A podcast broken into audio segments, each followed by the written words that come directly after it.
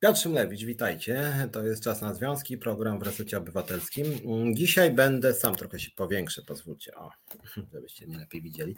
E, dzisiaj stwierdziłem, że przyjmę taką formułę, mm, którą przyjmuję raz na 3-4 tygodnie, żebyście mogli mi zadawać pytania, bo jak mam gościa, staram się bardziej przepytywać gościa i nie zawsze starcza czasu na wasze głosy. E, witam was wszystkich, trochę was już tu jest, witam też liderów Związkowej Alternatywy. Witam Roberta Kalickiego, pracowników cywilnych Policji, Ilonę Garczyńską z ZUS-u. Pewnie się też pojawi Monika Żelazik e, niedługo, być może Agata Jagodzińska, e, być może też inni nasi związkowcy, ale witam i związkowców i niezwiązkowców.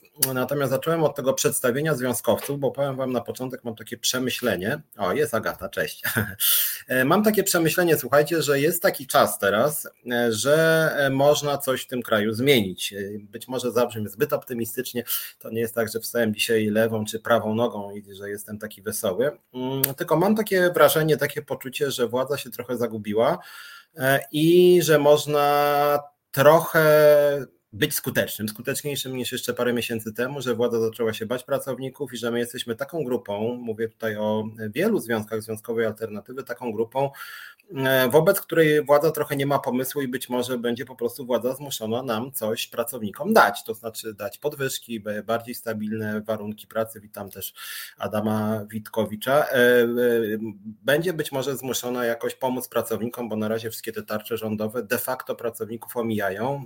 Wydaje mi się, że w ostatnich tygodniach nam jako Związkowej Alternatywie udaje się te kwestie pracownicze jakoś nagłośnić. Społeczeństwo zaczyna dostrzegać mm, nawet tych pracowników, których przez wiele lat nie lubiano, tak jak pracowników Krajowej Administracji Skarbowej czy ZUS-u. Tak? Wielu ludzi mówiło, że oni tam prawda, ściągają pieniądze i albo nie wypłacają tych pieniędzy. Teraz chyba duża część opinii publicznej zaczęła zauważać, że pracownicy kasu czy ZUS-ami są i same są ofiarami często polityki rządu, że to wcale nie skarbówka czy ZUS tworzy złe prawo, tylko złe prawo prawo tworzy rząd i e, pracowników się obciąża wdrażaniem tego prawa i ci pracownicy często przez to są zestresowani, zmęczeni, e, w bardzo złym często stanie psychicznym, często mało zarabiają. Mamy epidemię koronawirusa, więc często są też narażeni na tej pierwszej linii frontu na zarażenie właśnie koronawirusem. W związku z tym wydaje mi się, że też opinia publiczna jest e, w większym stopniu niż wcześniej po naszej stronie i że warto, krótko mówiąc, z tej sytuacji skorzystać i, i, i i coś dla pracowników wywalczyć. Marek e, Gaweł pyta, czy to jest forma kolaboracji. Nie, ja nie wiem, dlaczego kolaboracji. Związek Zawodowy jest od tego, żeby walczyć o lepsze warunki pracy. Jakiej kolaboracji? Ja jako szef centrali nie ukrywam tego i Monika Żelazik też tego nie ukrywa, że my tego rządu bardzo nie lubimy co do polityki. Uważam, że to jest błędna polityka szkodliwa dla kraju, dla społeczeństwa. Natomiast pracownicy, którzy pracują od wielu lat w ZUS-ie, w KASie, w Policji Cywilnej czy w wielu innych miejscach administracji publicznej, no cóż, no należy im się godne wynagrodzenie, niezależnie od tego, czy rządzi PiS, PO czy SLD. No bo co mam teraz mówić, że ja bym chciał, żeby w KASie źle zarabiano, bo PiS rządzi? No nie, złe decyzje podejmuje, podejmują nie pracownicy KAS-u, tylko pan minister finansów czy, czy, czy pan premier. Więc myślę, że, że, że to jest ważna sprawa i myślę, że teraz właśnie na tego z Edytą Merczyńską się zgadzam, że głośno trzeba mówić o problemach publicznie, wtedy władza też się zaczyna e, obawiać e, pracowników. To, co odnotowałem w ostatnich tygodniach, też to jest bardzo pozytywne, szczególnie odnośnie Krajowej Administracji Skarbowej, że właściwie media rządowe nie wiedzą, jak nas ruszyć, nie wiedzą, jak nas dotknąć, mają z nami bardzo duży problem mm, i nie potrafią odpowiedzieć w takim swoim niestety stylu, tak, bo oni potrafili robić różne nagonki na nauczycieli, na pracowników ochrony zdrowia, natomiast, e, natomiast, e, natomiast nas nie ruszają. Marek Gaweł pisze, że trzeba władzę zniszczyć, a nie z nią negocjować. Znaczy powiem Ci tak, no generalnie rzecz biorąc dobrze byłoby tą władzę na pewno przegnać, ale z drugiej strony warto też godnie e, zarabiać, więc niezależnie od tego, czy PiS się obali za pół roku, czy za dwa lata, e, czy za dwa tygodnie, e, no to warto zadbać o to, żeby instytucje takie jak administracja skarbowa czy ZUS funkcjonowały po prostu dobrze i żeby pracownicy w nich się dobrze czuli, no bo nawet jeżeli byśmy mieli obalić za dwa miesiące pisowską władzę, no to źle by było, jakby na przykład w tym czasie 500 pracowników ZUS-u trafiło do psychiatry z powodu bardzo złego stanu zdrowia psychicznego, albo żeby się, mm, albo żeby na przykład pracownicy skarbówki zarazili się koronawirusem, bo mieli być na pierwszej linii frontu i przyjmować mnóstwo, e, mnóstwo klientów. Tak na marginesie będziemy później o tym mówić, bo dzisiaj pan minister Niedzielski powiedział, że cała administracja publiczna ma przejść na zdalną, e, zdalną pracę, a tymczasem cztery dni wcześniej usłyszeliśmy od pana ministra finansów, że urzędy skarbowe będą czynne do 19 i będą przyjmować wszystkich możliwych klientów. Ilona Garczyńska też mi opowiadała, jak to w ZUS-ie się przyjmuje wszystkich możliwych klientów i taki jest też prikaz z góry, w związku z tym no, ciekaw jestem, który tutaj minister okaże się silniejszy. Ale słuchajcie, zaraz przejdziemy do problemów związanych e, z związanych z administracją publiczną. Ilona pisze Garczyńska, że ZUS stoi otworem COVID-u, u nas nie ma. No właśnie, więc na razie jest takie podejście właśnie przynajmniej do części administracji. W kasie z perspektywy rządzącej w administracji skarbowej też jakoś ten koronawirus dla rządzących nie do końca jest obecny. Ciekaw jestem, jak to będzie w najbliższych e, dniach. Zobaczymy. E, natomiast zacząć chciałem od trochę innej firmy, bo to jest bardzo newsowe i tego, że tak powiem, nie promowałem, o tym nie mówiliśmy w ostatnich dniach i tygodniach. Mianowicie chciałem dwa zdania pozwólcie, zanim przejdziemy do administracji publicznej, do skarbówki, czy ZUS-u, czy policji cywilnej. Chciałem dwa zdania powiedzieć o polskich liniach lotniczych LOT. To też jest jeden z moich ulubionych tematów. Tam też jest jeden z większych związków związkowej alternatywy, Związek Zawodowy Personelu Pokładowego i Lotniczego. I tam, jak wiecie, od wielu tygodni dzieją się rzeczy bardzo, bardzo nieciekawe. E, tak na marginesie dla pracowników skarbówki czy ZUS-u apeluję też, e, wesprzyjcie czasem jakimś ciepłym słowem nawet na forach internetowych wasze koleżanki, no głównie tam są kobiety, ale i kolegów oczywiście właśnie z lotu, oni nie są dobrze traktowani, pan prezes Milczarski mówiąc bardzo delikatnie, nie jest dobrym mm, prezesem. Nawet z Moniką Żelazik chcieliśmy mu wręczyć taki tytuł najgorszego pracodawcy roku. To nazwaliśmy sobie Dzierży Morda roku. Taki był pomysł, tylko nie przygotowaliśmy jeszcze dla pana prezesa nagrody z tej okazji. Być może w najbliższych dniach się tym zajmiemy, ale rzeczywiście no, ma silną konkurencję teraz. Ale myślę, że jest cały czas bardzo mocny, jak chodzi o tą czołówkę najgorszych pracodawców mm, w spółkach Skarbu Państwa, instytucjach publicznych. Mm, no ale co się stało i dlaczego mówię o locie? Chciałem powiedzieć o dwóch sprawach, e, o dwóch sprawach Sylwia J, bo staram się czytać jednak to, co piszecie, że ZUS przyjmuje wszystkich. Właśnie to też Ilona e, mi mówiła, rozmawiając też z wieloma pracownikami ZUS-u w związku z tym. No, tak jak mówię, ciekaw jestem, co, co, co rząd teraz po wypowiedziach pana Niedzielskiego, że ma administracja przejść na zdalną, czy pracownicy ZUS-u i KAS-u też przejdą na zdalną. Bardzo jestem tego e, ciekaw. Jeszcze Tomasz Indralewicz, gdy spór się rozwinie i będzie głośny, rychło może się okazać w mediach państwowych, że skarbówka jest pełna bardzo złych ludzi, a zarabiają, że chocho tylko pozazdrościć. Ciekaw jestem, szczerze powiedziawszy. Tutaj zwracam uwagę, że jak mieliśmy strajk w locie, że nawiążę, to też TVP bało się nas ruszyć. Trochę nie mieli pomysłu, tak? bo, bo, bo, bo ten, ten nasz spór w kasie nie jest jakby to powiedzieć otwarcie polityczny, w sensie, że to nie jest tak, że pracownicy kasy mówią, że nie wiem, lubią Platformę, czy SLD, czy PSL i chcą zwalczyć rząd, tylko mówią, że fatalnie, fatalnie są traktowani jako pracownicy, że momentne przepisy dostali do interpretacji, że są przeciążeni obowiązkami i rzeczywiście rząd, mam wrażenie, ma problem z tego typu argumentami.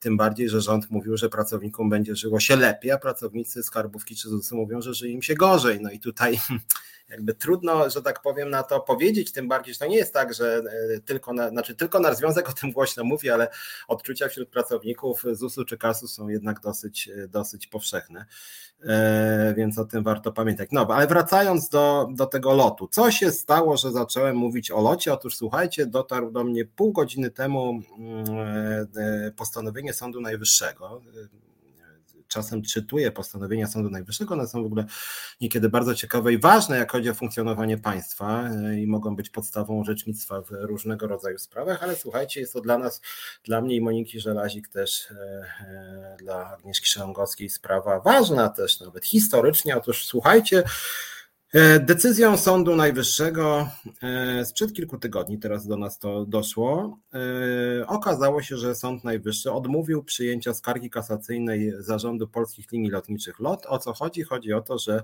polskie linie lotnicze LOT chciały mm, powiedzieć opinii publicznej, że strajk w 2018 roku był nielegalny i Sąd Najwyższy odrzucił tą kasację spółki, co oznacza, że strajk w 2018 roku był legalny i co więcej był e, wygrany przez pracowników lotu w tych wydarzeniach, dlatego też tak się bardzo cieszę, że witam też właśnie Monikę Żelazik, która się akurat pojawiła, kiedy zacząłem o tym mówić. Jest to dla nas ważne, dla mnie i Moniki. E, ja nie pracowałem w locie, ale się bardzo zaangażowałem w ten strajk. Monika Żelazik wtedy była jedną z głównych, właściwie główną bohaterką, była liderką związku i była zwolnioną dyscyplinarnie, liderką de facto, e, która była przyczyną strajku już wtedy, ponieważ była negocjatorką główną, która została wyrzucona bez sensu przez pana Milczarskiego i dzięki temu właśnie, dzięki temu był strajk, aczkolwiek wcześniej też było referendum strajkowe, które było prawidłowe i właśnie odnośnie tych kwestii y, jest dzisiejsza decyzja, czy nie dzisiejsza, ale dzisiaj się o niej dowiedzieliśmy Sądu Najwyższego. Sąd Najwyższy, jak powiedziałem, e, zdecydował właśnie, że odrzuca, e, odrzuca tą skargę kasacyjną, że w ogóle się nie będzie zajmować, ponieważ, ponieważ e, zdaniem mm, Sądu Najwyższego po prostu prostu decyzja sądu apelacyjnego, która była zgodna z naszymi oczekiwaniami, wyczerpuje sprawę, więc powtarzam, strajk w 2018 roku był legalny. Warto pamiętać, przypomnieć, być może część z Was nie wie, w 2018 roku strajk się skończył. Myśmy z Moniką wtedy nie byli pewni, czy to dobrze się stało, że ten strajk się skończył, ale z perspektywy czasu myślę, że może nie tyle dobrze, strajk się skończył, ale to, co w wyniku tego strajku zostało postanowione, było dla pracowników dobre, to znaczy podwyżki 1000 zł brutto dla wszystkich e, stewardess, cofnięcie zwolnień dyscyplinarnych, cofnięcie nagan, również mój proces mojej skromnej osoby, lot został zmuszony do wycofania się właśnie ze, ze sprawy sądowej. Pan Milczarski chciał, żebym zapłacił 200 tysięcy, w tym 100 tysięcy na Fundację Jana Pawła II. Miło mi było, jak panowie się wili z zarządu LOT, że może jednak tą sprawę zamknijmy, to już nie będziemy oczekiwać tych pieniędzy od pana.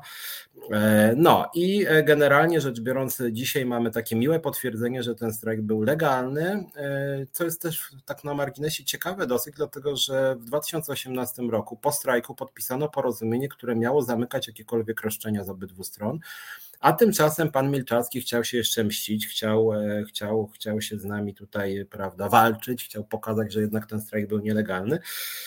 I cóż, i mu nie wyszło. Teraz y, y, pewnie widzieliście, jak trochę błądziłem wzrokiem, bo patrzyłem sobie na komórce moją ulubioną wypowiedź pana y, premiera Mateusza Morawieckiego w sprawie mm, prezesa lotu Rafała Milczarskiego. Nie, nie, wiem, czy pamiętacie, trzy tygodnie temu bodaj mówiłem, że ja i Monika Żelazik staliśmy się bohaterami korespondencji pana Michała Dworczyka odnośnie lotu. Bardzo ciekawa lektura, z niej skądinąd wynikało, że władze lotu były znacznie słabsze jeszcze niż nam się wydawało, że byli przerażeni całą tą sytuacją. Mm, no, ale w tej korespondencji e, pana Dworczyka, Morawieckiego i spółki pojawił się taki ładny, ładny fragment pana e, premiera Morawieckiego, który E, pozwolił sobie na dwa zdania komentarza na temat wymiany zdań różnych urzędników odnośnie strajku w locie. Tam sugerowano właśnie, że ja i Monika jesteśmy frakcją radykalną, która jest niebezpieczna i że ludzie nas słuchają. Tak nasze ego trochę pieścili w tej korespondencji.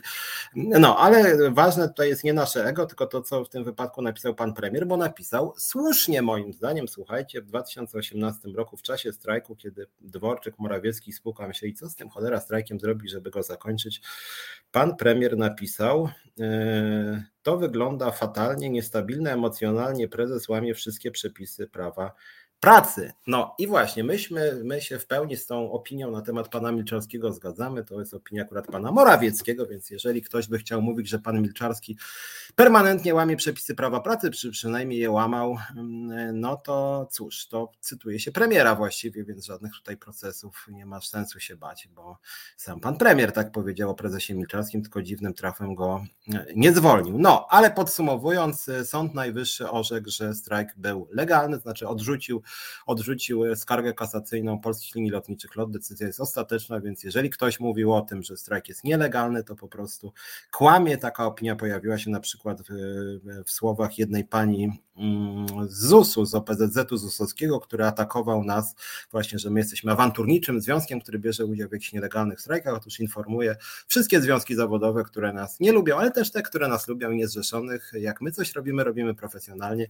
Ten strajk był legalny i był wygrany i kolejne strajki planujemy. W sumie na przykład w ZUS-ie warto by taki strajk robić, więc zachęcam, jak nas oglądają pracownicy ZUS-u, poza też Iloną Garczyńską, to zachęcamy do współpracy z nami. My się strajkować nie boimy, my się sądów nie boimy i póki co, jak ktoś nas pozywa, to my wygrywamy, czy po prostu nasi wrogowie się sami wycofują, tak jak wobec dwukrotnie się wycofali. Przejdę na chwilę e, do forum, żebym tutaj was nie omijał. Sylwia J. pisze, teraz właśnie powiedzieli w Polsacie, że ZUS-u i Wydziału Komunikacji na pewno nie zamkną, bo są niezbędne do funkcjonowania społeczeństwa. No tak, zaraz się pewnie okaże, że skarbówki administracji skarbowej też nie zamkną, bo też są niezbędne, bo trzeba przecież Polski Ład tłumaczyć. Tak po kolei się okaże, że rząd się po prostu zamknie i na tym będzie wielkie zamknięcie administracji. Mm, Sylwia jeszcze dopisuje, niby jesteśmy niezbędni, jak przychodzi do wynagrodzeń, to już jesteśmy raczej zbędni. No właśnie, panowie sobie podwynieśli ostatnio, pan premier podniósł swojej administracji fundusz nagród jakby właściwie w sposób nieokreślony, wcześniej posłowie o 60%, wiceministrowie 60%, prezesi spółek Skarbu Państwa 10 tysięcy co najmniej miesięcznie, mm, marszałek Sejmu, marszałek Senatu 75%, prezydenta 8 tysięcy miesięcznie, no żyć nie umierać. Panowie z władzy sobie podnoszą, a jak, a jak myśmy jako związkowa alternatywa w ZUS-ie zażądali 60% podwyżki, to pani Uścińska nam odpisała, że to jest żądanie niewspółmierne. Właśnie nie wiem, właśnie do czego niewspółmierne, ale taka była odpowiedź, jak chodzi o posłów, to jest z nieznanych przyczyn współmierne akurat. E, Ilona pisze, niestety, jak dobrze wiesz, problemem jest bierność pracowników, ale o tym pewnie Piotr zaraz będzie mówił. Zaraz do tego wrócimy. Windgant się zgadza o bierności, więc jeżeli nas oglądacie i oglądacie po prostu, a na razie jeszcze nie działaliście, no to zapraszamy w nasze szeregi do Związkowej Alternatywy, no to po prostu skasujmy tą bierność i bądźmy, że tak powiem, mm, czynni bardziej, tak? E, Bożena Breczka gratuluje związkowcom lotu, bardzo to miłe rzeczywiście, jak się widzi, że pan Milczacki też się denerwuje i że nasz strajk również z perspektywy prawnej był mm, z perspektywy prawnej my byliśmy silniejsi, a nasz wróg po prostu się mylił. Monika pisze, nie ma czego się bać, przeciwnik jest słabszy niż myślicie. No właśnie, więc, więc o tym też mówię, jak chodzi o lot i dlatego do tego lotu często wracam, że w 2018 roku, przyznam szczerze i czasem z Moniką o tym rozmawiamy, że ten pan Milczarski i spółka Aż nam żal trochę, bo oni byli dużo słabsi niż nam się wydawało i ta korespondencja Dworczyka pokazuje, że, że użyję kolokwializmu, że oni byli tak posrani, że można ich właściwie było rozpędzić tak naprawdę. Znaczy tego Milczarskiego można powiedzieć, dobra, dymisjonujcie go, bo się wkurzymy i będzie strajk trwał dalej. Moim zdaniem by go zdymisjonowali. Myśmy myśleli, że tam służby jakieś rozpuścili, że jakieś, prawda, już są przygotowane prawie oddziały antyterrorystyczne, tak? A tutaj figa z makiem, oni po prostu byli przerażeni, zupełnie nie wiedzieli, co zrobić. Ten Morawiecki, który, który pisał o swoim prezesie, że jest właściwie szurnięty, niebezpieczny dla otoczenia, więc naprawdę moim zdaniem można było ich docisnąć. Trochę żałuję z perspektywy czasu, że tego nie zrobiliśmy, kto mógł się tego spodziewać. Natomiast i tak uważam, że bardzo dużo wtedy wywalczyliśmy i to był bardzo duży sukces całego polskiego świata pracy. Natomiast chciałbym jeszcze drugą rzecz powiedzieć o locie, zanim przejdę do ZUS-u, kasu y, i, i budżetówki. Mianowicie ostatnia rzecz, która pokazuje, no, że niestety zrobiliśmy błąd, że pana Milczarskiego się nie pozbyliśmy. Spróbujemy jeszcze doprowadzić do niego odwołania, bo facet naprawdę jedzie bez trzymanki, trzeba coś z tym zrobić. Kiedyś w TOK FM powiedziałem, że powinien siedzieć w więzieniu i trzeba by poczytać trochę kodeks, musiałbym się przyjrzeć uważnie jeszcze prawo pracy, ale z całą pewnością y, powinien za kilku paragrafów odpowiedzieć karnie. Mm, uważam, że pan Milczarski bardzo często łamie przepisy prawa pracy i niestety pozostaje bezkarny. Łącznie czy na czele z taką odpowiedzialnością indywidualną, że po prostu cały czas jest prezesem firmy i działając na jej szkodę. W sposób, bym powiedział, demonstracyjny. Mm, Windkant, przeciwnik jest rzeczywiście słaby, każda najmniejsza akcja związków zawodowych jest skwapliwie monitorowana przez dyrektorów oddziałów ZUS. Znaczy, wiesz, Wind, no sobie może być monitorowana, to jakby my się nie wstydzimy naszych działań, tak samo jak w locie robiliśmy strajk, to wiadomo, że to było monitorowane i z szóstego piętra pan Miczarski osobiście wyglądał przez okno i patrzył, co się dzieje pod drzewem, gdzie myśmy strajkowali, no to czasem widział na przykład, nie wiem, uniesiony środkowy palec, no i co? i co mógł nam zrobić. Byliśmy silni, to, to, to mógł sobie nas monitorować. Tak jak pracownicy są zdeterminowani, to mogą sobie obserwować przez lunetę, przez co tam by chcieli, tak? Um, no, ale, ale, ale co chciałem powiedzieć o tym locie i co się złego ostatnio tam stało? Otóż słuchajcie, w 2018 roku był strajk. Strajk e, zakończył się dosyć pozytywnymi rozwiązaniami dla pracowników, począwszy od podwyżki 1000 zł miesięcznie. Natomiast e, przyszedł koronawirus, wiele złych rzeczy się stało. Uruchomione zostały zwolnienia e, grupowe, między innymi obniżono pensje i jest, nie będę wchodził w szczegóły prawa pracy, sporo by mi to zajęło, ale generalnie rzecz biorąc jest taki przepis prawa pracy, który mówi, że w momencie, kiedy są mm, zwolnienia e, grupowe, mm, to wtedy w momencie, kiedy pracodawca chce przywrócić do pracy pracowników, to w pierwszej kolejności powinien przywracać tych, których zwolnił w ramach zwolnień grupowych. To jest oczywiście no, rozsądne również, jeśli chodzi o ten kryzys związany z koronawirusem. Nikt nie przeczy temu, że e, e, nikt nie przeczy temu, że epidemia bardzo uderzyła w branżę lotniczą. E, w związku z tym też społeczeństwo tak mówiło, no tak, no jeżeli nawet zwalniają trochę tych stewardess, no to rzeczywiście mniej samolotów lata. Jeżeli się ruch zacznie odbudowywać, to będzie można te stewardessy e, przywracać do pracy, tak część ekspertów również argumentowała. No, tylko problem polega na tym, że ruch lotniczy trochę wraca do punktu wyjścia, jeszcze trochę brakuje, ale generalnie się ta siatka odbudowuje. Tymczasem pan prezes Milczarski co robi? I to jest właśnie ten news, który chciałem wam, że tak powiem, sprzedać, który pokazuje, że pan Milczarski cały czas niestety łamie przepisy prawa pracy i uważam, że się nie nadaje na to stanowisko, które pełni. Bożena pisze, że zarzut niegospodarności jest na tyle poważny, że warto go wytoczyć w procesie. Nie mówiłem, znaczy ja mówiłem o działaniach na szkodę spółki, tu jest wiele wymiarów, o tym byśmy byśmy, o tym byśmy musieli tu porozmawiać. Natomiast Monika jeszcze pisze, pan Miczowski znowu obchodzi kodeks pracy, on nie zatrudnia, on podpisuje kontrakty ze spółkami zewnętrznymi. No i właśnie, i o tym chciałem tylko dwa zdania jeszcze powiedzieć, zanim przejdę właśnie do tych tematów kasowsko-zusowskich. Mianowicie pan, pan Milczarski wpadł na taki pomysł, że najpierw zwolnił w ramach zwolnień grupowych ponad 100 stewardess, część przesunął na inne stanowisko, znacznie mniej prestiżowe na ziemię, E, po czym w momencie, kiedy siatka zaczęła się odbudowywać, to najpierw pan Milczarski zaczął przywracać, mm, zaczął loty przekazywać e, osobom zatrudnionym w ramach kontraktu firma-firma. Później się dowiedzieliśmy, że również przekazywał część lotów firmom węgierskim czy czeskim firmom zatrudniającym węgierskie stewardesy, również w ramach kontraktów B2B. Natomiast teraz nawet na oficjalnej stronie lotu można sobie wejść, a to akurat znalazłem na LinkedInie, ale później doszedłem, e, zobaczyłem, że na pracuj.pl bodaj się to też pojawiło. Okazało się, że pan Milczarski szuka po prostu stewardess do pracy, tak? To znaczy zwolniono stewardesy, E, I teraz, I teraz szuka się stewardesy, ale nie te, które zostały zwolnione, bardzo wykwalifikowane, świetnie przygotowane, z dużym doświadczeniem, tylko właśnie teraz pan Milczarski szuka stewardess w ramach kontraktu B2B, e, kontraktu firma-firma, czym właśnie omija te przepisy te przepisy związane z obowiązkiem zatrudniania pracowników, którzy zostali zwolnieni w ramach, w ramach zwolnień grupowych. Więc mamy kolejny przykład omijania prawa pracy. Ja przypomnę, co mówił pan prezes Kaczyński jeszcze nie tak dawno temu, że to jeszcze było przy okazji Polskiego Ładu nawet, że, że PiS likwiduje w Polsce umowy e, śmieciowe, no i właśnie to jest ta likwidacja umów śmieciowych, tak? Czyli zwalniamy pracowników etatowych, a zamiast nich zatrudniamy, e, zatrudniamy pracowników firma firma i to jeszcze przy, pomijając jakby podwójnie e, prawo pracy, bo z jednej strony zastępując etaty śmieciówkami, a z drugiej strony e, po zwolnieniach grupowych nie zatrudniając ludzi, którzy zostali zwolnieni właśnie w ramach mm, zwolnień grupowych. W związku z tym mamy przykład takiego bezprawia i promowania po prostu śmieciowego zatrudnienia, więc jeżeli jakiś pan Dworczyk, Fogiel, który zaczął się ostatnio moim kontem facebookowym interesować, nas ogląda. Słuchajcie, zróbcie z tym Milczarskim porządek, wyrzućcie go z pracy i przywróćcie do pracy stewardesy, które zostały zwolnione jakiś czas temu i nie chce teraz pan prezes ich przywracać, a nie chce ich przywracać, bo się boi, że będzie miał strajk albo że prawda, że część z nich duża to są były działaczki związków zawodowych, naszego związku zawodowego, mm, więc no więc o tym pamiętajcie, my będziemy oczywiście o te stewardesy e, walczyć. Monika Żelazik pisze, że zwolnił oczywiście tylko e, umowę o pracę i później jeszcze pan Mitrowski płaci obecnie 3600 zł brutto, o tym pamiętajmy. Wcześniej było 5000 bodaj 350 brutto, jeśli dobrze pamiętam. W związku z tym mamy, e, niedawno mieliśmy znaczną obniżkę płac w polskich liniach lotniczych.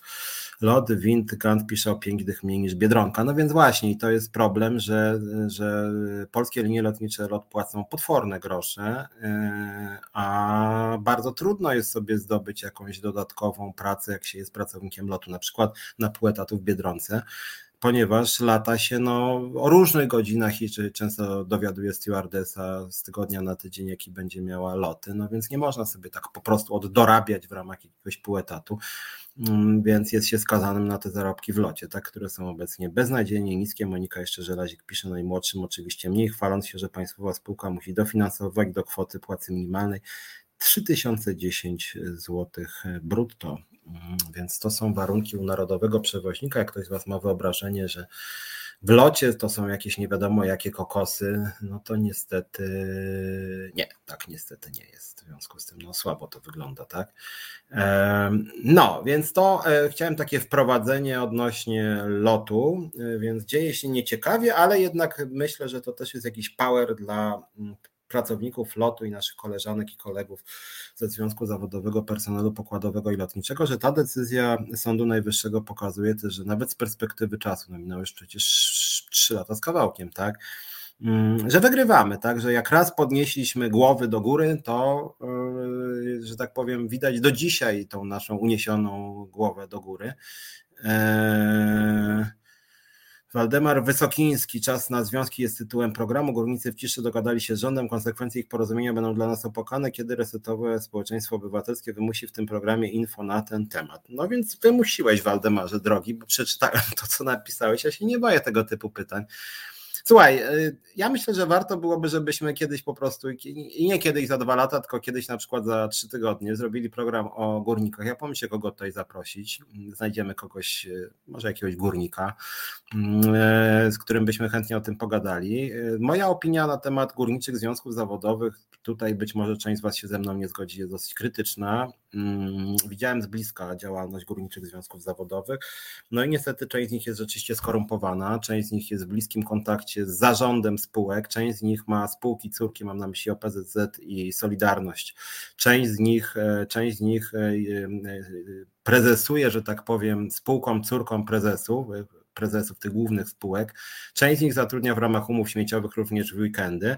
W związku z tym no, mam bardzo poważne wątpliwości wobec niektórych działań tych górniczych związków zawodowych. Ja jestem za tym, żeby równać w górę, a nie w dół, ale z drugiej strony no, jest to takie dwuznaczne, że władza ulega górnikom i daje im kilka tysięcy, czy kilkadziesiąt, a czasami ponad 100 tysięcy odpraw, a na przykład nauczycielom, pielęgniarkom czy pracownikom socjalnym nie daje praktycznie nic. Eee, I Monika też słusznie pisze, że żeby w programie o związkach górniczych wypowiadali się również górnicy. W związku z tym ja myślę, że może pomyślimy też z Moniką, czasem rozmawiamy z Moniką, e, kogo zapraszać do tego programu, więc może byśmy faktycznie zaprosili sobie za 2-3 tygodnie właśnie ze dwóch górników. Ja bym wtedy sformułował właśnie te zarzuty, które też pojawiały się w różnych materiałach medialnych o korupcji górniczej. Eee, w sumie czemu nie? Dobry pomysł. Mm, Ilona też pisze, że górnicy na ulicę wyjdą, a inni tylko grożą. Znaczy zgadzam się z tobą Ilona, tylko że z drugiej strony jest też tak, że górnicy to są głównie faceci, silni faceci i teraz pytanie, czy jak ktoś jest silny fizycznie, to ma mieć więcej do powiedzenia, bo na przykład pracownicy socjalni są, że tak powiem, często delikatniejsi, czy nauczyciele i władza w mniejszym stopniu się ich słucha, więc to jest też taka polityka rządu, prawda, że górnicy są nasi, uważa pisowski rząd, ponieważ oni polski węgiel produkują, tak, a jak produkują węgiel, to trzeba im pomóc.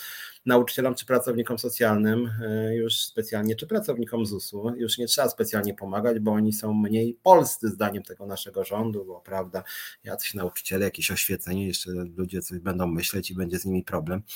Mm, więc, więc to jest chyba podejście takie trochę tego rządu. Ja bym jednak uważał, że dobrze byłoby stworzyć taki model, w którym jednak y, wszystkie grupy zawodowe są możliwe, możliwie dowartościowane, właśnie jak Monika słusznie pisze, władza nie słucha ludzi wrażliwych. No ja brałem udział e, w strajku ostrzegawczym e, pracowników socjalnych w Piotrkowie Trybunalskim. No rzeczywiście atmosfera była inna niż na strajku, proteście może górników. Rzeczywiście było mniej, nazwijmy to, agresji, czy mniej takiego prężenia mózgów.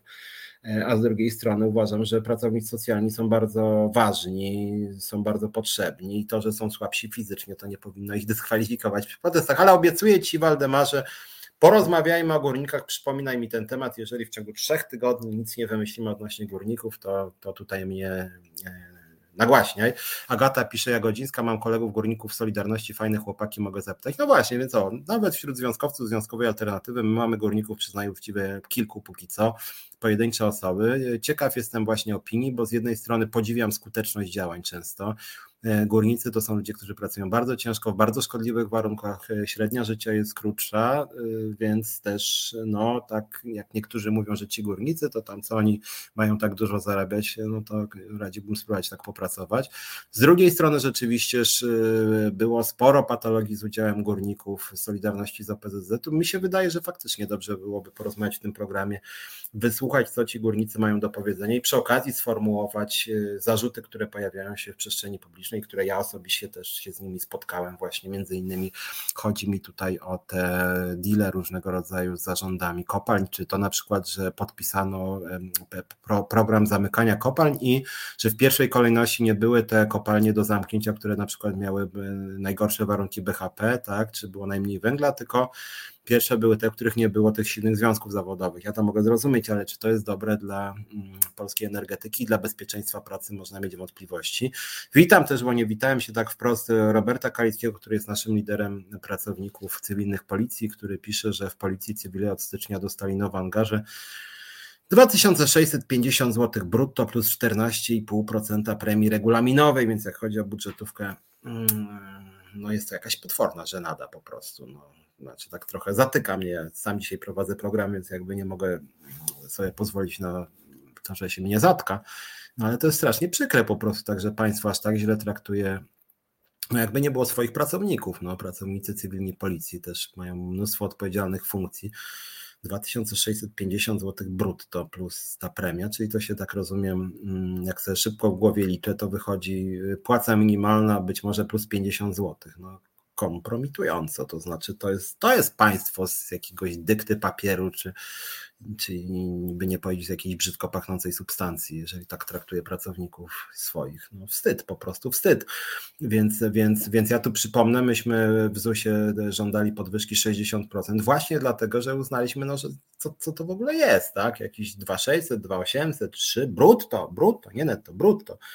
No nie da się tak po prostu żyć po prostu. To jest straszne, to znaczy jakieś upokarzające, w ogóle skandaliczne, więc w policji cywilnej też będziemy walczyć o to, żeby tę sytuację poprawić. Myślę, że też ten dzisiejszy program chciałbym, żeby tak zbliżał różne branże. Mamy tutaj przedstawicieli nawet kilku branż związkowej alternatywy, tak, ZUS, KAS, Policję Cywilną. Mówimy też o locie i Monika Żelazik bardzo dużo wie o locie i sama tam działała i pracowała, więc, więc, więc warto te działania koordynować, żeby móc być bardziej po prostu skutecznym. I pamiętam też o górnikach, o nich też myślę, że warto będzie, warto będzie zrobić y, program. Hmm. Patrzę na to, co, co, co, co piszecie. Edyta Merczyńska, ZUS bierze wszystko, co rząd wymyśli. Mm, no i ZUS, ZUS, ZUS i KAS, no ostatnio właśnie ZUS i KAS, bo z tego co też i Ilona i Agata mi mówiły, teraz pojawił się dziwny pomysł, mianowicie wspólnych dyżurów y, pracowników ZUS-u i Krajowej Administracji Skarbowej.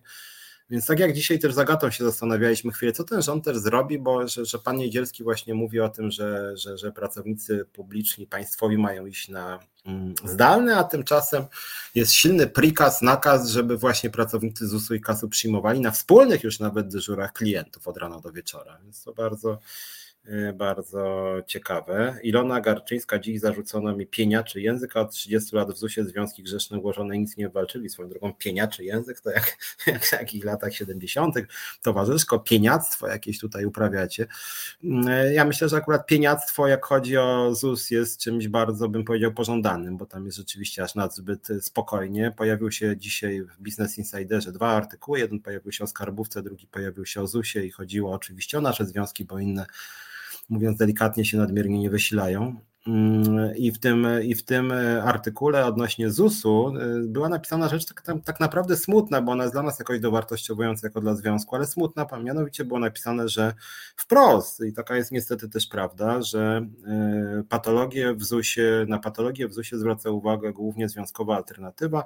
Innych głosów krytycznych mm, specjalnie nie widać. I to nie była opinia dziennikarza, tylko Business Insidera, który też nie ma w jakimś interesie, to nie jest mój znajomy, ten, który napisał ten tekst i to nie jest też medium, które jakoś wyjątkowo nas wspiera, tylko pisze po prostu o inicjatywach w tych instytucjach. E, tylko to, to była opinia różnego rodzaju ekspertów, również ZUS-owskich, tak? W związku z tym no, to są takie też pocałunki śmierci, jak sama firma mówi, że poza związkową alternatywą to wszyscy są zadowoleni, no to chciałoby się powiedzieć, no po co tam to w ogóle ta Solidarność, ten PZZ, jak oni, jak oni głównie tą, są tam po to właśnie, żeby być e, grzecznym ja w ogóle nie wiem, jak teraz można być grzecznym, biorąc pod uwagę to, co się dzieje. E, więc zgadzam się też z Moniką, która pisze, że dobry kierunek pieniactwo, władza musi bać się nas. Zresztą tak na marginesie pojęcie pieniactwa się źle kojarzy, natomiast nasze pieniactwo jest bardzo merytoryczne, to znaczy my wskazujemy, e, co widzimy nie tak i staramy się po prostu o tym głośno mówić, tak w kasie, jak i w ZUS-ie i z Iloną i z Agatą my długo siedzimy nad tymi stanowiskami i przyglądamy się, zastanawiamy się, co właśnie w tych instytucjach funkcjonuje nie tak i, i, jak można to naprawić. No, więc chciałem powiedzieć e, słów kilka na temat właśnie z e, Zakładu Ubezpieczeń Społecznych Krajowej Administracji Skarbowej. Właściwie równolegle w ostatnich dniach działamy w tych dwóch instytucjach. W tym programie też się często pojawia e, Agata i Ilona, liderki nasze właśnie w tych dwóch instytucjach. Dzisiaj chciałem z Wami trochę porozmawiać, dlatego jestem e, sam i tak spróbować jakoś te, te różne obszary naszego działania połączyć, tak i podsumować. W ostatnich dniach poszły właśnie dwa pisma z ZUS-u i z KAS-u, od, od e, Agaty Jagodzińskiej i Ilony Garczyńskiej z KAS-u i ZUS-u odrębne. Z KAS-u poszły dwa, z ZUS-u poszło jedno. E, dzisiaj poszedł taki bardzo mocny i smutny właściwie bardzo apel z administracji skarbowej, skarbowej podpisany przez Agatę o tym, że właśnie pracownicy są na skraju wyczerpania i może dojść do paraliżu administracji skarbowej w Polsce. O, o tym zaraz powiem. E, wcześniej napisaliśmy też właśnie, Agata napisała do różnych instytucji, że apelujemy o okrągły stół nad Polskim Ładem, który niestety obecnie jest bublem prawnym. Niestety jest mnóstwo niejednoznacznych wykładni, jest bardzo dużo chaosu. O tym będę chciał później w programie dzisiaj powiedzieć i stąd apelujemy o to, żeby właśnie popracować nad Polskim Ładem z księgowymi, z prawnikami konstytucyjnymi, e, z pracodawcami, e, z izbami rozrachunkowymi właśnie. No oczywiście my jako związkowcy administracji skarbowej, można by tutaj właśnie też ZUS włączyć, który również bierze udział w wdrażaniu Polskiego Ładu. Na razie nie mamy odpowiedzi ani odnośnie jednego pisma, ani odnośnie drugiego. Natomiast również poszło pismo z naszej strony, taki apel właściwie otwarty ze strony Zakładu Ubezpieczeń Społecznych, ze strony też, też Ilony Garczyńskiej, która właśnie, e, no można powiedzieć, wyspecyfikowała te patologie wszystkie. E, E, wind, Gant nie tyle pieniactwo, co twarde stawianie żądań. Znaczy, to, to akurat się nie, jakby nie ma sporu, to znaczy trochę żartujemy z Moniką, jak piszemy, że dobry kierunek pieniactwo. Chodzi nam o to, że trzeba mocno mówić, tak? Znaczy mocno mówić. Też mamy taki, a nie inny rodzaj demokracji, tak? Żeby się przebić jakoś do pracowników, do mediów, do opinii publicznej, to trzeba mówić bardzo mocno, ale to oczywiście nie wyklucza tego, że te nasze mocne teksty, no one są bardzo merytoryczne. My zawsze tu precyzyjnie dbamy o to, co mówimy i jak mówimy.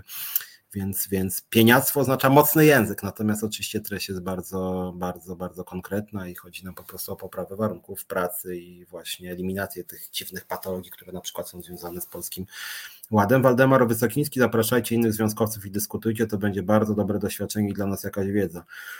Wiesz co, Waldemar, powiem Ci tak, Długo można by gadać. Z, z, Moniką zdarzało nam się trochę mówić. Może też któregoś dnia zrobimy sobie taką dyskusję, mnie i Moniki Żelazik.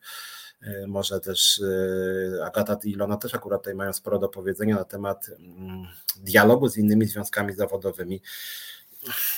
Na dole inne związki zawodowe są dla nas ciekawymi partnerami do dyskusji często. Na poziomie zakładu pracy, komórki zakładu pracy, te kontakty bywają często bardzo dobre, przyjazne, natomiast jeśli chodzi o, o rozmowę z Piotrem Dudą, z Andrzejem Radzikowskim, z Piotrem Ostrowskim, szczerze nie chcę z nimi gadać. To znaczy uważam, że nie ma z kim. To są ludzie moim zdaniem sprzedani, skorumpowani, którzy w ogóle nie dbają o prawa pracownicze, którzy są właściwie takimi lewawymi biznesmenami, którzy zarabiają dziesiątki tysięcy złotych. Bardzo często są spleceni z władzą, z władzą publiczną, z władzą biznesową, z władzą samorządową. Tam jest mnóstwo jakichś dziwnych przepływów pieniędzy, co ja zawsze krytykowałem i stąd między innymi mój bardzo silny spór w OPZZ, że byłem za transparentnością finansową, oni byli przeciwko. Mm, jak chodzi o Piotra Dudę, no to jest facet, który jest bardzo blisko po prostu z Morawieckim i Kaczyńskim i, on sam właściwie się przedstawia jako taka bojówka władzy, więc szczerze powiedziawszy nie mam trochę przyjemności ani ochoty, jak mnie ktoś zaprosi do panelu z nimi, to ja z nimi będę gadać i merytorycznie będę przedstawiać stanowisko związkowej alternatywy, tu się nie będę obrażał. Natomiast trochę nie wiem, do czego miałbym zapraszać pana Radzikowskiego czy pana Dudę, tym bardziej, że nie chcą z nami działać razem. Przecież apele my piszemy otwarte do ludzi pracy, niezależnie od przynależności związkowej. Tymczasem to w ZUS-ie ze strony jednej z liderek, bodaj pani Ditmar y, z ZUS-u, y, było rozpowszechnione jakieś ostrzeganie przed nami, sugerując, że my prowadzimy nielegalne strajki. Od tego dzisiaj zacząłem, bo mówiąc o nielegalnych strajkach, pani z OPZZ-u ZUS-owskiego miała na myśli strajk w locie który nawet Sąd Najwyższy uznał, że właśnie nie był nielegalny. ostatecznie wyszło, że strajk był w pełni legalny. Pani z OPZZ-u w ZUS-ie powinna właściwie przeprosić, no ale te związki tak działają, tak? Ja już nie mówię o tym, że jak w ogóle związkowiec, który oskarża inne związki, że one ośmielają się strajki robić, no to co to jest za związek zawodowy w ogóle, tak? W związku z tym, no ja z takimi ludźmi nie za bardzo widzę możliwość e, współpracy. Mam po prostu inne cele, tak inną wizję świata pracy, organizacji. Też jak słuchacie mnie, no to możecie się zastanowić, czy wolicie, wolicie należeć do związkowej alternatywy, gdzie staramy się, żeby wszystko było transparentne, że walczymy niekiedy ostro, że w niektórych instytucjach dążymy do strajku, w kasie nie można strajkować, ale też chcemy możliwie ostro protestować, bo ludzie są zdeterminowani. Trzeba walczyć o swoje po prostu, a po drugiej stronie mamy OPZZ czy Solidarność, którzy robią wszystko, żeby pacyfikować protesty społeczne, żeby generalnie żeby jakaś tam kasa dla liderów płynęła, ale Inicjatyw specjalnie nie widać. Mogę bardzo dużo tych przykładów wymienić. Ilona Garczyńska, niestety grzecznością i układaniem się z pracodawcą nic nie załatwimy, no więc mi się też tak wydaje. E, że bardzo trudno w ten sposób coś załatwić. Znaczy, ja bym chciał dyskutować z pracodawcą, którym właśnie można kulturalnie, merytorycznie negocjować. Tyle tylko, że w instytucjach państwowych i spółkach Skarbu Państwa takich pracodawców chyba jeszcze nie spotkałem, przyznam szczerze. Mm, oni raczej nie lubią odważnych, bojowych związków zawodowych, y, nie dbają o pracowników. No w związku z tym to jest ich wina, jakby, jakby oni byli dla nas grzeczni, kulturalni, merytoryczni, no to proszę bardzo, przecież ja jestem bardzo, jak chyba widzicie, miłym człowiekiem, kulturalnym, rzeczowym, staram się nie przeklinać. No, ale jako, że jestem liderem związkowym, to moim zadaniem jest walczyć o prawa pracownicze. Jak ktoś tych praw pracowniczych nie chce przestrzegać, jak pan Miczarski na przykład, no to będziemy się, że tak powiem, nawalać, tak, wszelkimi możliwymi, zgodnymi z prawem środkami, bo takie jest nasze zadanie jako związków e, zawodowych. Windgun, skoro nie bardzo, daje się namówić pracowników ZUS do strajku, bo tak jest, może trzeba publikować w mediach, jak ZUS wygląda od środka, może jak zacznie się pani profesor tłumaczyć, to coś drgnie. No właśnie, i taki jest też nasz cel, bo e, jakby poruszam różne problemy i czytam to, co piszecie, w związku z tym tak wolno mi idzie, to e, miałem przez ZUS do kasu przejść, ale mamy jeszcze ponad godzinę, to powiem i o ZUSie, i o kasie i może jeszcze o innych sprawach chciałem też trochę dzisiaj pomówić o tym, o dyskryminacji kobiet na polskim rynku pracy, może zdążę. No, ale e, wracając czy przechodząc do szczegółów, co się dzieje w tym ZUS-ie, Eee, otóż w ZUS-ie jest tak, mówiłem na, w poprzednim programie, tutaj u mnie godzinę z kawałeczkiem była Agata Jagodzińska, więc teraz może zacznę od ZUS-u. Otóż ZUS również jest obciążony Polskim Ładem. Tak jak powiedziałem, pracownicy ZUS-u mają dyżurować razem z pracownikami skarbówki. Część przepisów jest niejasna, jak chodzi o przepisy emerytalne, składki zdrowotne. Również wpływ na ZUS ma to rozporządzenie ministra finansów y, sprzed kilku dni, które zdaniem wielu prawników jest bezprawne, w związku z tym nie jest jasne y, do końca, jakie mają być decyzje urzędników. E, pracownicy zatrudnieni w salach obsługi klienta, w centrum obsługi telefonicznej są przepracowani, są niewystarczające przeszkoleń. E, tutaj to jest pewna wspólny element z pracownikami skarbówki, też po prostu odnośnie pewnych kwestii nie wiedzą e, pracownicy ZUS-u, co mówić klientom w momencie, kiedy oni zapytują różne szczegóły Polskiego Ładu, ponieważ naszym zdaniem sam rząd tego nie wie, są przepisy po prostu niejasne, mętne. E, szkolenia, podobnie zresztą jak i znowu w skarbówce, żeby się nie powtarzać, później są prowadzone online w formie prezentacji. Te prezentacje są ogólnikowe, nie ma odpowiedzi na bardzo wiele ważnych pytań, nie ma szczegółowych wyjaśnień. Nie wiadomo do kogo ich, żeby, żeby e, znaleźć odpowiedzi na te pytania, które przecież później zadają klienci, którzy się później denerwują właśnie na pracowników ZUS-u, a w gruncie rzeczy powinni denerwować się na panią Uścińską, czy na pana Morawieckiego, czy na pana Kaczyńskiego, no nie wiem, na tych ojców założycieli e, Polskiego Ładu. Mm, e, często jest też tak, że te szkolenia, i tu chyba myślę, że też Agata potwierdzi, mm, z tego co czytałem na forum pracowników skarbówki, szkolenia są często prowadzone w godzinach pracy, w związku z tym pracownicy mają obowiązki tak zwane swoje, które mieli już dotychczas, a ZUS przecież obsługuje mnóstwo programów i w tym samym czasie muszą zapoznawać się z nowymi sprawami związanymi z Polskim Ładem, więc jakby muszą robić dwie czy trzy rzeczy naraz po prostu.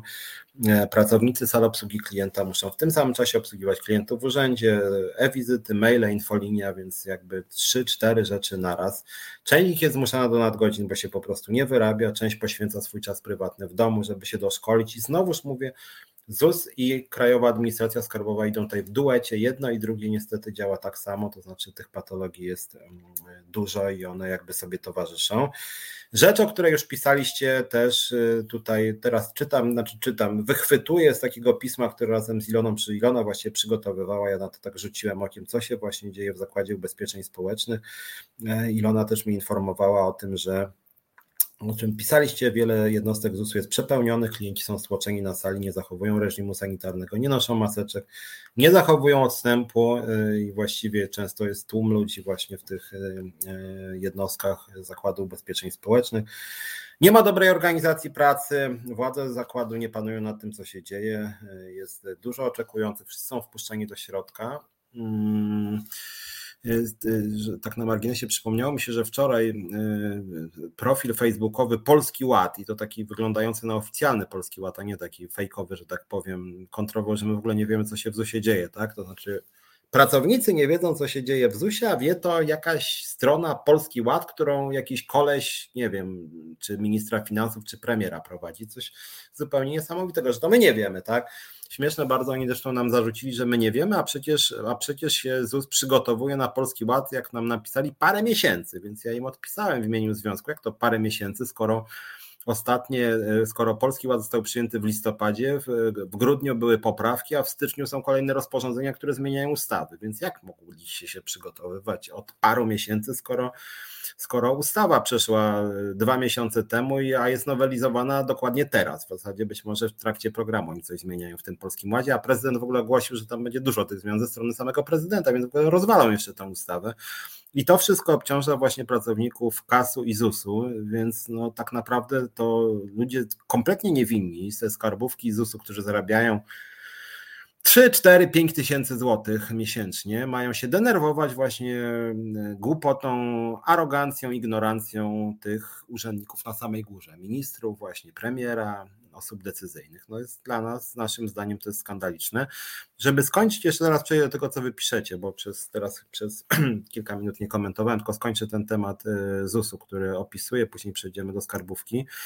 E, ważna sprawa, o której mówiłem wielokrotnie w tym programie, e, pani Uścińska, pani prezes ZUS-u mówiła, że obsługę programu Rodzina 500 plus przynajmniej 50 osób. Z sygnałów, które do nas docierają, wynika, że jest to kłamstwo, że okazało się to kłamstwem. Myśmy przewidywali, że będzie to kłamstwo że za funkcjonowanie programu wcale nie odpowiada 50 osób, ale setki ludzi, by nie powiedzieć tysiące. Bardzo dużo ludzi jest obciążanych, to jest część ich obowiązków, muszą wykonać, muszą łączyć te obowiązki z dotychczasowymi obowiązkami. I niestety się okazało, że słowa pani prezes no, były takie trochę mm, nieodpowiedzialne z perspektywy czasu. Okazało się, że program jest obsługiwany przez bardzo dużo osób. Przy okazji e, bardzo, bardzo niskie pensje w Zakładzie Ubezpieczeń Społecznych. One są jeszcze niższe niż w Krajowej Administracji Skarbowej, do której e, przejdziemy może po przerwie, ale jeszcze kilka minut chciałem właśnie o tym ZUS-ie powiedzieć. E, jak myśmy zgłosili podwy, propozycję podwyżki, jak mówiłem o 60%, to ZUS powiedział, władze ZUS-u, że jest to nieodpowiedzialne, niewspółmierne, więc tutaj te 3-4 tysiące złotych brutto dla pracowników ZUS-u, zdaniem pani Uścińskiej, to jest dużo. Z trzeciej czy czwartej strony ostatnio przeczytałem, że nawet ZUS się zgadza, że są niedobory zatrudnieni, że pracowników ZUS-ie pracuje coraz mniej. Są braki, ale pracuje coraz mniej, e, jakoś nie wiem, nie nadążają z rekrutacjami. No i konkluzja tego naszego pisma odnośnie ZUS-u jest taka, że zapaść ZUS-u już teraz uderza w pracowników zakładu, bez szybkich zmian wkrótce uderzy całe społeczeństwo. O, i taka jest konkluzja. Teraz przejdę do tego, co wy piszecie mm, na forum. E, w lipcu wchodzą e-doręczenia w administracji rządowej, będzie ciekawie, pisze Orzech. No właśnie, będzie ciekawie, bo to jest kwestia i poczty, ZUS-u, KAS-u, zobaczymy jak oni to będą wdrażać. Jak nam życie pewnie są niezbyt przygotowani. E, Edyta Merczyńska, pracownicy nic nie mają do gadania. No więc właśnie, my jako Związkowa Alternatywa chcemy sprawić, żeby pracownicy mieli coś do gadania. Ilona Garczyńska, mój ulubiony Rada Nadzorcza i pozostałe związki nie widzą e, problemu e, w ZUS-ie, e, nie widzą problemu w ZUS. No więc właśnie, w ogóle rola rad nadzorczych w Polsce, w tych instytucjach państwowych, spółkach Skarbu Państwa to jest dla mnie jakaś niesamowita. Oni po prostu wszystko przyklepują. Jak była Rada Nadzorcza w locie, kiedy było mnóstwo patologii, to, to rzeczywiście byłem zdumiony, że Rada Nadzorcza w ogóle nie interweniowała. E, Sylwia J. Nie lubię tego rządu, ale źle traktowanie pracowników, złe traktowanie pracowników budżetówki to nie tylko ich zasługa. Mam wrażenie, że wcześniej było jeszcze gorzej. Mm, A czy powiem Ci Sylwia tak, ja, ja w 2000 jak był rząd Tuska i później po Tusku rząd Platformy PSL-u, ja już wtedy protestowałem, nawet y, ja wręczałem takie pismo mm, Tuskowi właśnie o wyjściu strony związkowej z Komisji Trójstronnej, powiedziałem żegnam, na co się obraziła część pracodawców, więc ja byłem krytyczny wobec y, również tamtych rządów i przypuszczam, że będę też krytyczny wobec kolejnych rządów, jak PiS nawet straci władzę.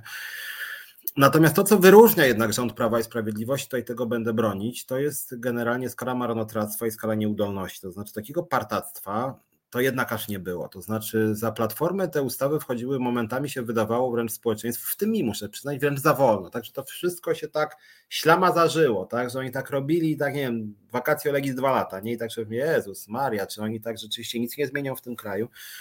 Ja wtedy jakby mnie to denerwowało, ale z perspektywy czasu trochę to zaczynam doceniać, bo ja wolę wakacje legis dwa lata niż dwa dni.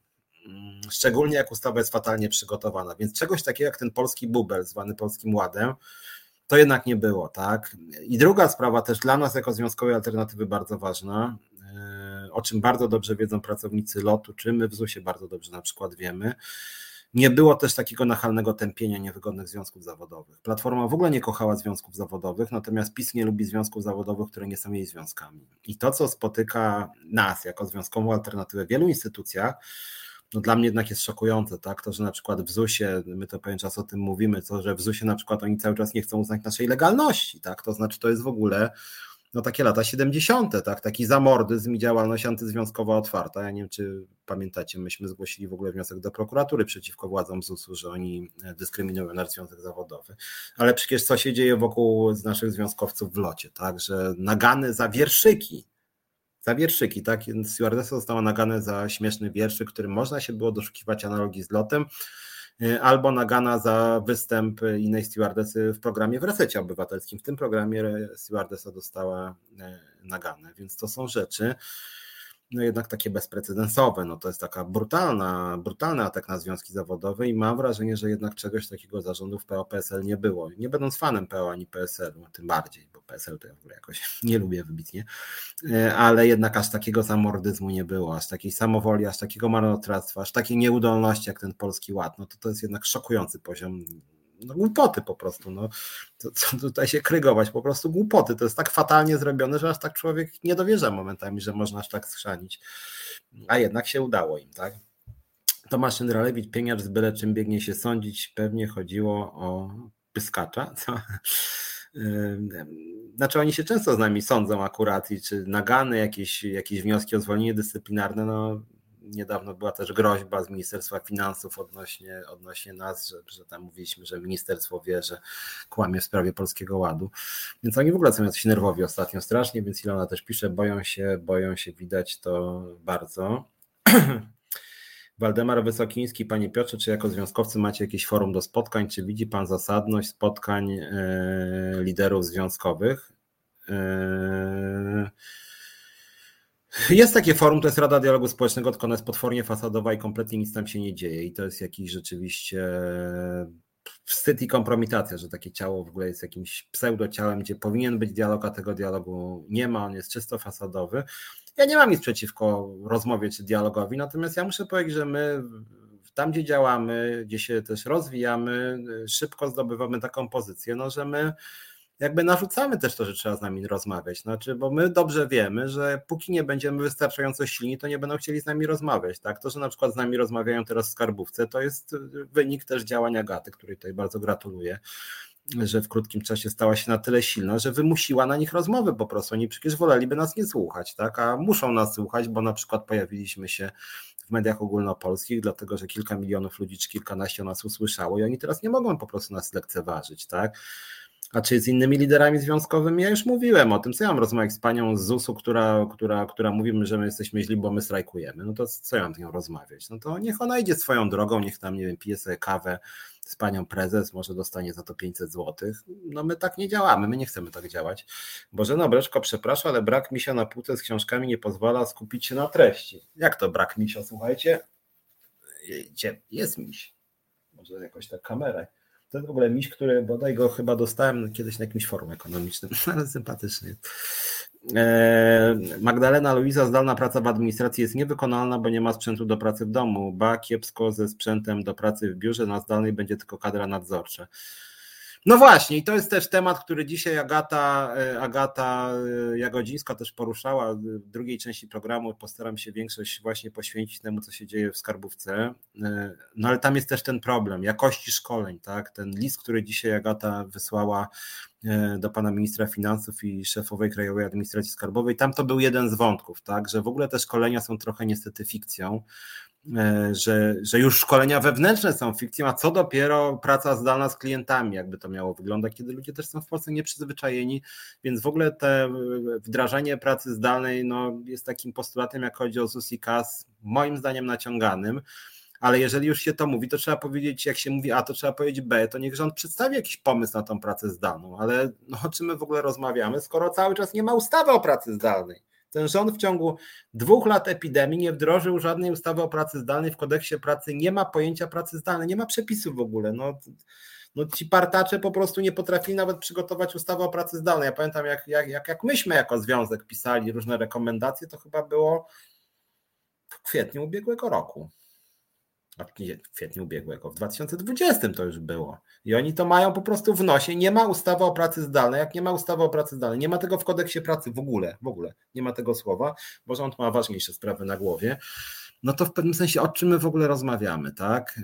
natomiast tak jak powiedziałem, już te szkolenia dotyczące Polskiego Ładu, o czym Agata dużo mi opowiadała, no wyglądają jak wyglądają, czyli wyglądają bardzo słabo i one właśnie są prowadzone zdalnie, nieudolnie, nie ma dobrego sprzętu, jest cicho, osoby z jednego komputera często muszą korzystać, no wygląda to po prostu beznadziejnie, więc jak jeszcze pracownicy skarbówki czy ZUS-u mieliby się komunikować tylko online, to mam poważne wątpliwości, no ale z drugiej strony niech się władza na coś zdecyduje. Albo przechodzimy na zdalną i bardzo szybko robimy wszystko, żeby to było możliwie profesjonalne, albo nie przechodzimy na zdalną i wtedy staramy się zapewnić pracownikom ZUS-u i KAS-u rzeczywiście stuprocentowe bezpieczeństwo, tam różnego rodzaju tam, prawda, pleksji, nie pleksji, jakieś zasłonki, e, limitowana liczba klientów, czy sprawdzanie, czy ktoś jest zaszczepiony, no ale nie, skoro oni pracy zdalnej ustawy nie ma, jeżeli chodzi o jakieś obostrzenia dla osób niezaszczepionych, nie ma.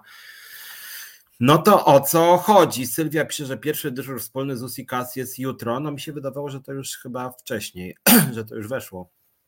Ale okej, okay, nie, nie, nie, jestem o tym 100% przekonany. Agata Jagodzińska dużo by mówić o innych związkach. No właśnie, dużo też, e, też e, mógłbym dużo bardzo o tym mówić, być może cały program, który choć sobie poświęcimy na tą tematykę.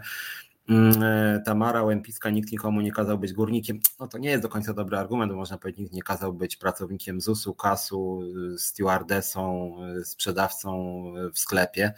A warto dbać jakoś tam o wszystkie, o wszystkie miejsca pracy, żeby ludzie po prostu pracy byli godnie traktowani. Mamy kodeks pracy i nasze zarzuty często są takie, że na przykład w locie po prostu prawo pracy jest na masową skalę łamane i to jest potężny problem. Mm, Windgun, skuteczność tych dyżurów jest znikoma, ale są obowiązkowe, bo centrala widzi to inaczej. No właśnie, też już widzę, że tak trochę mnie kierujecie ku tej problemacji skarbówki, bo o tym właśnie Agata pisała mnie mianowicie, że pracowników zmusza się de facto do udziału w tych dyżurach, natomiast, y, natomiast y, mało ludzi się zgłasza relatywnie w tych godzinach 15-19, bo ludzie też mają inne sprawy skarbowe. Jeżeli się zgłaszają, to często wcale nie poruszają tematów związanych z Polskim Ładem, tylko inne sprawy, tak? Na przykład związane z, z rozliczeniem podatków w, tym roku, tak, za ubiegły rok, tak? To jest inna sprawa, a ludzie dzwonią i co pracownik skarbówki ma mówić, nie, sorry, to proszę zadzwonić jutro za dwie godziny. Jak już ktoś dzwoni, to często się o tym rozmawia, natomiast no, godziny, godziny pracy są inne. Mm, Agata pisze o związkach zawodowych innych, większość kupiona niestety takie fakty, no i też muszę to niestety potwierdzić, takie są fakty i często to jest tak, że taki kupiony związkowiec y, y, na stanowisku pracy miał na przykład 4000 zł miesięcznie, później przechodzi na etat związkowy i nagle mu skacze do 14 i niestety takie sytuacje były i w PKP, i w górnictwie, i na poczcie, i w ZUS-ie i te koszty etatów związkowych niekiedy, no jak mówię, ja jestem w pełni za etatami związkowymi, pracownicy związków zawodowych, no to też jest odpowiedzialna funkcja, muszą mieć na to czas. Natomiast źle się dzieje, kiedy po prostu lider związkowy spotyka się z pracodawcą, przy zamkniętych drzwiach, przy kawce albo wuderce i nagle właśnie jego wynagrodzenie szybuje z 5 tysięcy na 15 i później on już nie jest związkowcem, tylko jest de facto pacyfikatorem protestów społecznych i to, że słyszałem, że liderzy, e, liderzy OPZZ czy Solidarności właśnie, czy to w górnictwie, czy to na poczcie, czy to w PKP, część z nich ma po prostu stawki razy trzy, e, czy razy cztery chyba nawet czasem wyższe niż to wynikało z ich wcześniejszych zarobków, no to to jest taka, no to jest właśnie taka zinstytucjonalizowana korupcja, e, która jakoś tam jest zgodna z prawem, ale jest głęboko nieetyczna. Ilona pisze, że na przykład Dietmar i Wójcik, no to są właśnie te E, liderki zakładowe, prawda, e, OPZZ-owskie nie, nie wiedzą, co mają robić w szale, a Solidarność zamiast brać się, zamiast wziąć się za obronę pracowników, wiersze pisze na mój temat. No to też Ilona, jakieś dowartościowanie twojej skromnej osoby. Wingant pisze, a co mają robić za 8500 brutto. Kolejny duży związek pisze Ilona w ZUS każe przewodniczącym regionalnym uspokajać nastroje wśród pracowników. No właśnie, niestety część takich, takich jest też głosów. Słuchajcie, zróbmy krótką przerwę. Ja też się napiję jakiegoś soczku, bo, bo jak tak się gada, to, e, to ten głos się trochę zmienia. E, I po przerwie porozmawiajmy o tym, co się dzieje w skarbówce. Dzieje się bardzo dużo. Agata też działa bardzo dynamicznie. Ten nasz związek już ma ponad 800 osób, więc serdecznie też zapraszam pracowników skarbówki, którzy nas oglądają, żeby wstępowali. Podobnie oczywiście zapraszam pracowników ZUS-u, żeby wstępowali do naszego związku w ZUS-ie, pracowników Policji Cywilnej, żeby wstępowali do Policji Cywilnej. Zresztą skądinąd e, również przedstawiciele innych e, e, zakładów państwowych i nie tylko państwowych zgłosili się do nas w ostatnich dniach, więc myślę, że w najbliższych tygodniach będziemy mieli nowe związki zawodowe, o tym będziemy mówić na bieżąco. No ale dzisiaj chciałem właśnie o tym ZUS-ie i o skarbówce. Po przerwie więcej powiemy o skarbówce, mm, bo jak mówię, dzieje się bardzo bardzo, bardzo dużo. Chciałoby się być niestety, bo pracownicy woleliby spokojnie pracować, a władza im nie daje spokojnie pracować. Dzieje się tak naprawdę dużo złych rzeczy. No dobra, ale słuchajcie, zróbmy krótką przerwę mm, na piosenkę i za chwilę wracamy i porozmawiamy sobie o skarbówce. Reset Obywatelski działa dzięki Twojemu wsparciu. Znajdź nas na zrzutka.pl. I wracamy, Piotr Szymlewicz. E, czas na związki, tak słuchałem tej piosenki, sobie myślałem, cholera, jaka straszna jest ta epidemia, że no oczywiście, że głównie zabija ludzi, ale też to, że nie ma zabawy, nie ma spotkań, czy tych spotkań jest znacznie mniej. I tak nawet słucham muzyki czasem, że chciałby, tęskni mi się za karnawałem, chciałem powiedzieć wam po prostu, za jakąś huczną zabawą.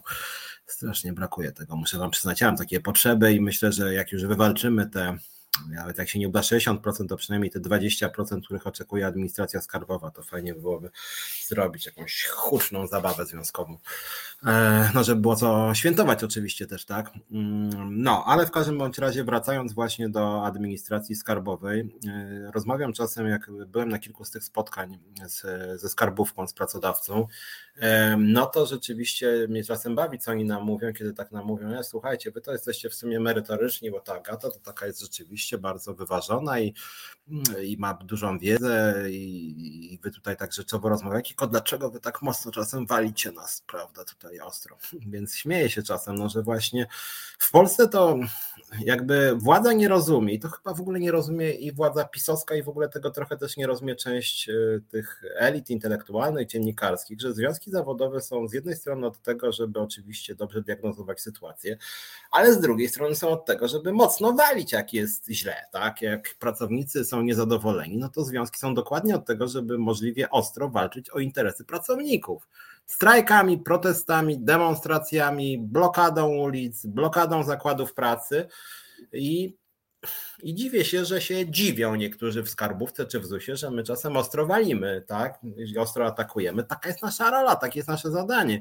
Jeżeli pracodawcy byliby bardziej dialogowi, bardziej otwarcie, wychodziliby naprzeciwko oczekiwaniom pracowników, no to byśmy to tak ostro nie walili, tak? I jest wstyd za taki OPZZ czy Solidarność, że oni to właśnie są tacy z tą władzą dogadani, chociaż jest ta władza naprawdę słaba.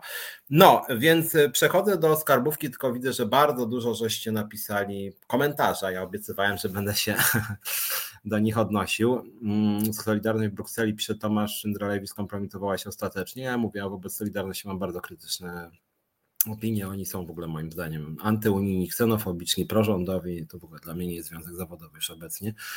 E, to samo Ilona mówi, że uspokajajcie nastroje, piszą właśnie różne związki zawodowe. Mm, natomiast cieszy mnie to, że Edyta Merczyńska pisze, że odkąd zaczęliśmy działać, prezes ZUS zaczęła się tłumaczyć I bardzo dobrze, że się przynajmniej tłumaczy. To jeszcze nie jest może wielki sukces, ale jak pani Uścińska już się musi tłumaczyć, to jest droga do tego, żeby, żeby zaczęła coś pracownikom proponować, tak? Bo jak już znaczy jest świadoma, że jest źle. E, Monika Żeladzik, pamiętajcie, że związki zawodowe walczą o prawa pracownicze, a przedstawiciele pracodawcy spółka walczą o swój własny wizerunek, stołek. No więc właśnie, właśnie o to też, o to też chodzi. Eee korzystając z chwilowo pełnionej funkcji, próbują zarządzać przemocą, żeby pokazać swoje w cudzysłowie kompetencje, pisze też Monika.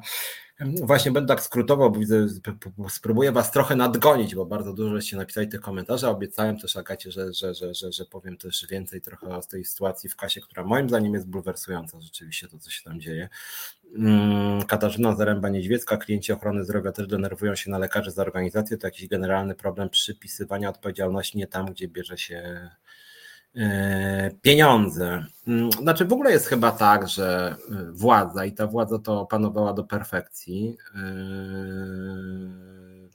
przenosi odpowiedzialność na różne grupy zawodowe i tak jak już Wam mówiłem, nie jest winą lekarzy to, że jest zła organizacja ochrony zdrowia, nie jest winą pracowników ZUS-u to, że ZUS źle funkcjonuje, nie jest winą pracowników skarbówki to, że jest bubel zwany Polskim Ładem wdrażany w Polsce. To jest wina władzy centralnej, to jest wina złego funkcjonowania Ministerstwa Zdrowia to jest e, złe funkcjonowanie Ministerstwa Finansów, to jest wreszcie nieudolność pana premiera i pana prezesa Kaczyńskiego. No cóż, no taka prawda jest, tak.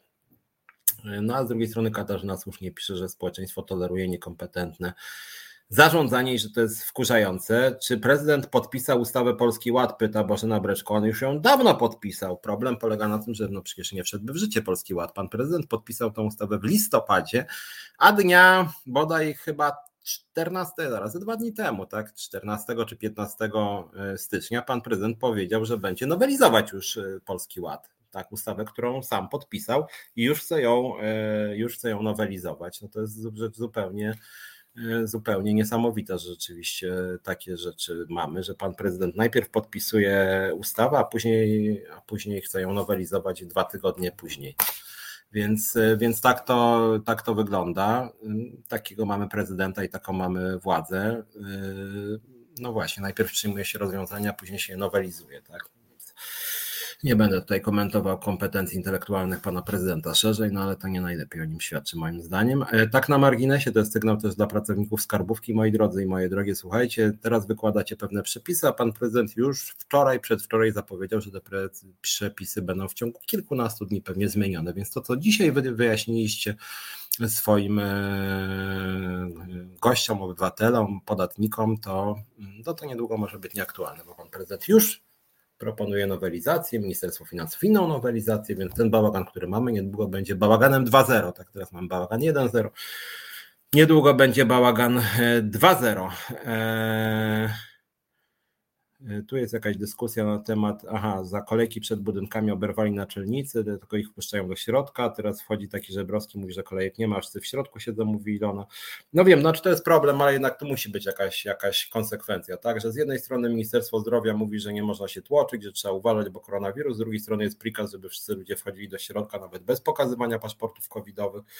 No tak rzeczywiście być e, nie powinno. Karolina Kępa-Śryś pisze, pensja wkrótce minimalna, jeżeli pani Karolina Karolina, pani pracuje w Krusie. Serdecznie zapraszamy do Związkowej Alternatywy. Chcielibyśmy też zadziałać w Krusie i nawet taki sojusz Związkowej Alternatywy ZUS, KRUS, KAS, być może byłby, bylibyśmy silniejsi, więc jeżeli ma Pani pomysł, niech Pani do nas napisze, czy to do mnie, ja jestem na Facebooku, Twitterze obecny, czy na maila Związkowej Alternatywy biuro no to serdecznie zapraszamy. W Krusie też postaramy się ostro zadziałać. Myślę, że jest bardzo dużo do roboty. Zresztą ze dwie osoby już się do nas zgłosiły. Fajnie byłoby, jakby pani też, e, pani też do nas się zapisała i założyła związek w Krusie. No to może byśmy i Krus wtedy zmienili. Dobra zmiana w Krusie też by się e, przydała. Mm. E, Edyta Merczyńska, nikt nie chce do nas do ZUS-u i przyjść, żeby COVID, a Monika pisała o tym, że część się chce awanturować w środku, żeby COVID lepiej się rozniósł. Wingant, COVID-a w ZUS-ie nie ma.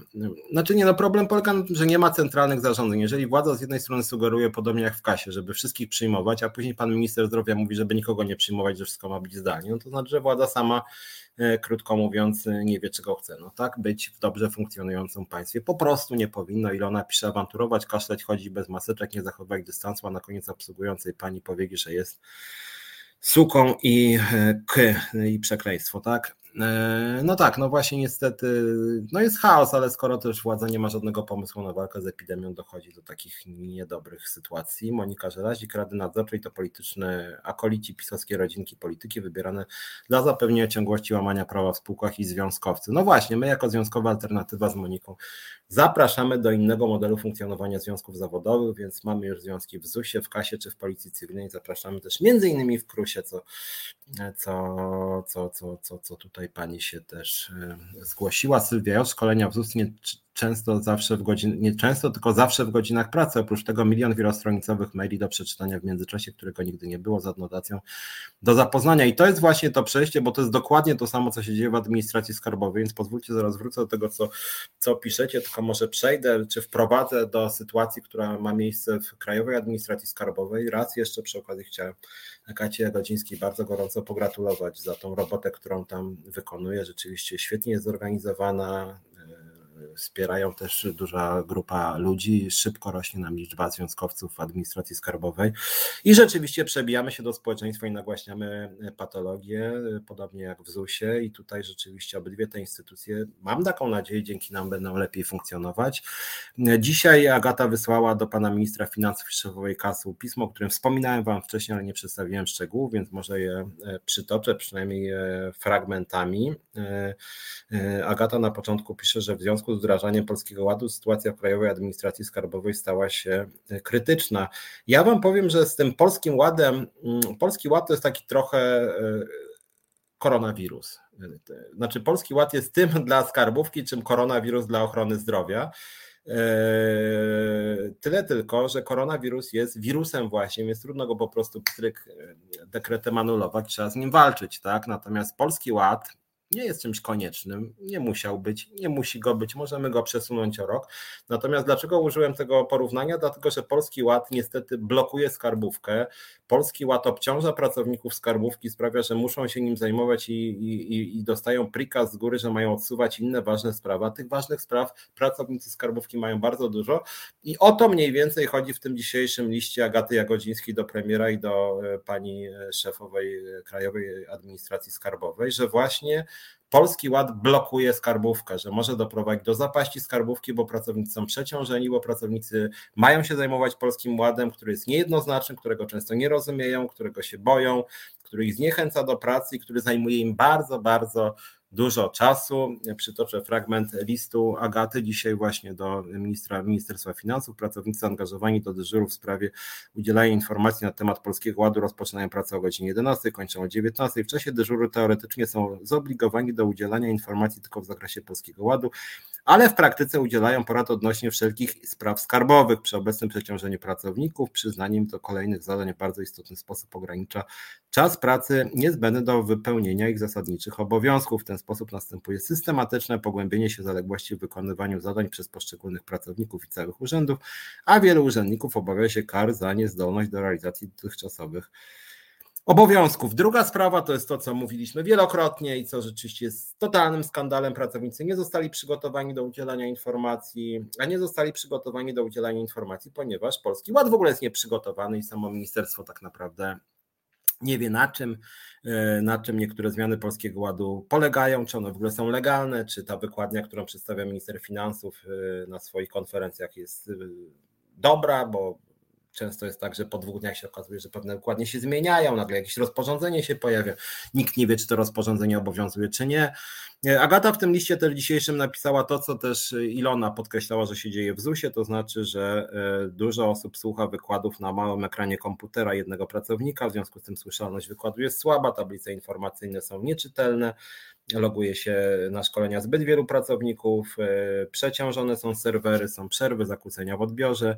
W konsekwencji te webinaria pełnią głównie funkcje propagandowe, wartość merytoryczna jest niewielka, a one mają być podstawą tego, co później pracownicy skarbówki przekazują mm, obywatelom, podatnikom, więc można powiedzieć, że na tym chaosie tracą tak naprawdę wszyscy, więc mamy źle przygotowany Polski Ład i źle przygotowanie szkolenia e, odnośnie właśnie e, Polskiego e, Ładu.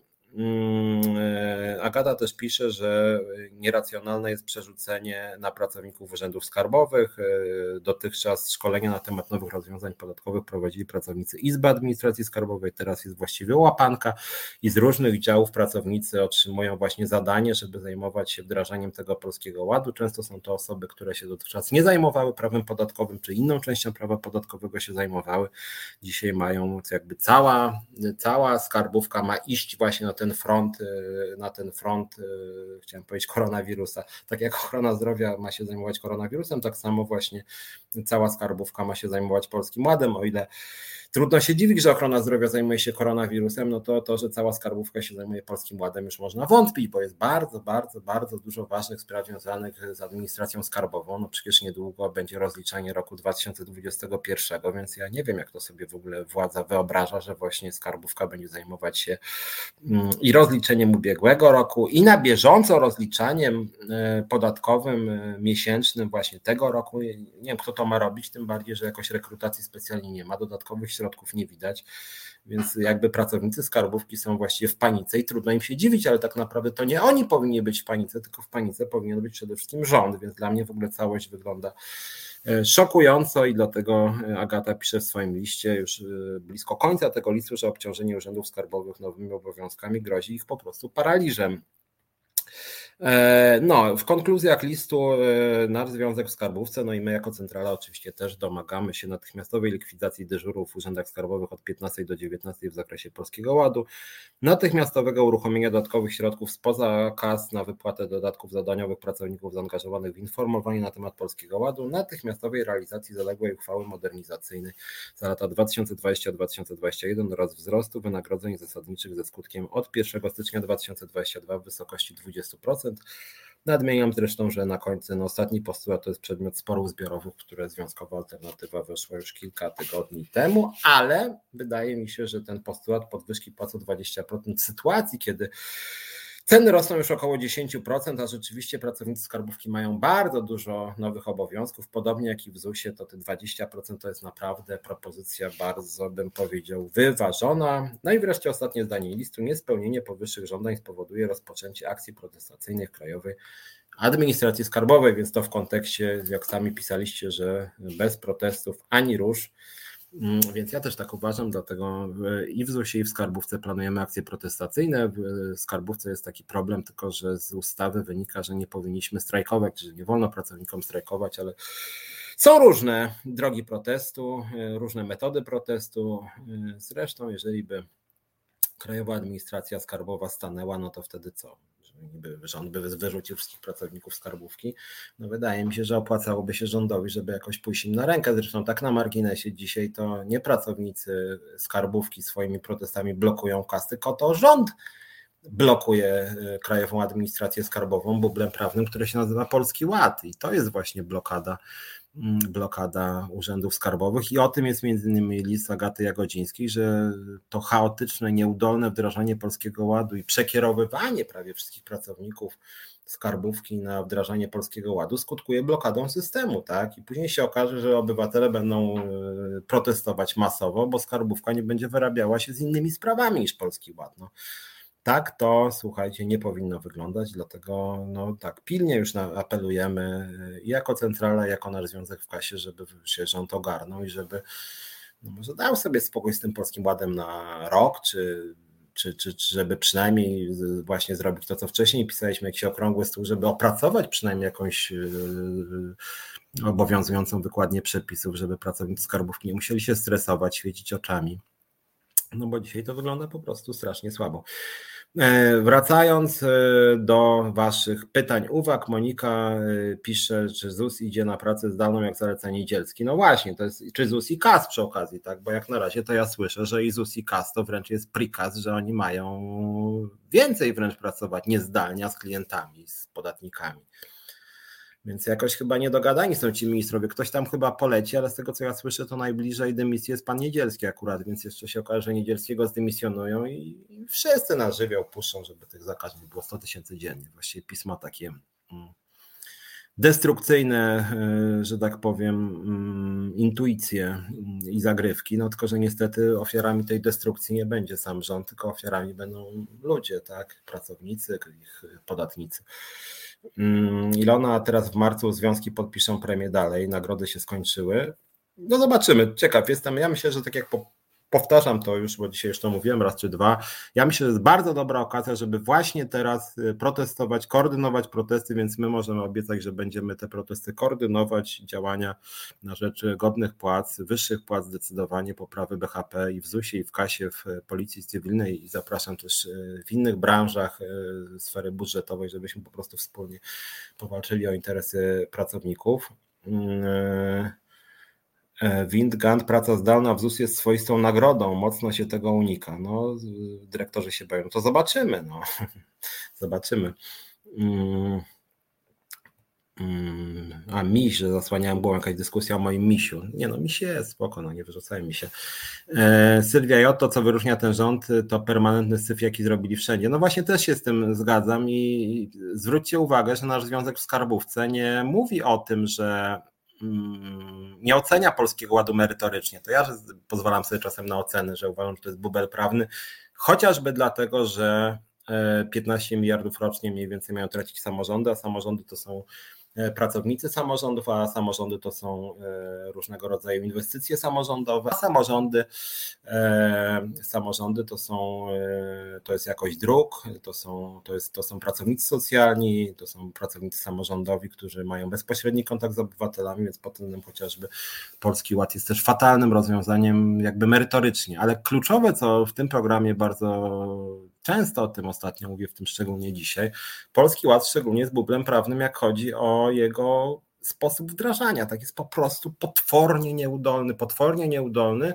I to, co nas boli jako związkową alternatywę, no, że się stara obciążyć tą nieudolnością pracowników skarbówki głównie i częściowo też ZUS. No i to jest skandal po prostu. No, jeżeli pan Kościński, pan minister finansów nie potrafił stworzyć dobrego systemu, to albo niech się poda do dymisji, albo niech sam się zajmie nie interpretacją gorącą niech Ministerstwo Finansów sobie przejmie, niech oni e, czerwienią się przed ludźmi, tak, że nie mają obowiązujących wykładni przepisów, a nie, że obciążają całą skarbówkę, blokują urzędy, bo bo sami po prostu boją się, że, że prawda, że poparcie dla PiSu spadnie o 3%. No sorry, no ale to jest strasznie nieuczciwe wobec pracowników szczególnie.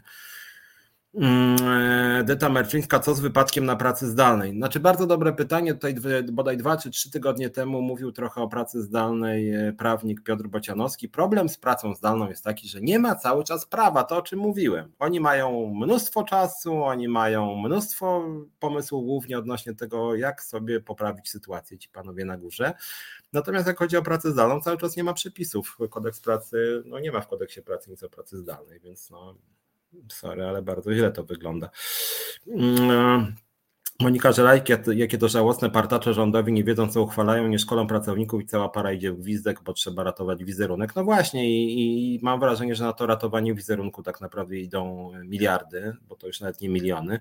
I to, co strasznie boli, że mm, że pracownicy skarbówki ZUS-u mają zajmować się ratowaniem wizerunku rządu. Ja muszę powiedzieć, nie to, żebym cenił jakoś, czy lubił panią Rzeczkowską, szefową Krajowej Administracji Skarbowej, ale ja muszę powiedzieć, nie wiem, czy oglądaliście, była taka konferencja mm, szefowej KAS-u, ZUS-u, tam był Radziwił, czyli zaraz wojewoda mazowiecki, tak, i pani Maląg, jeszcze jakaś posłanka PiSu. Maląg to minister e, rodziny.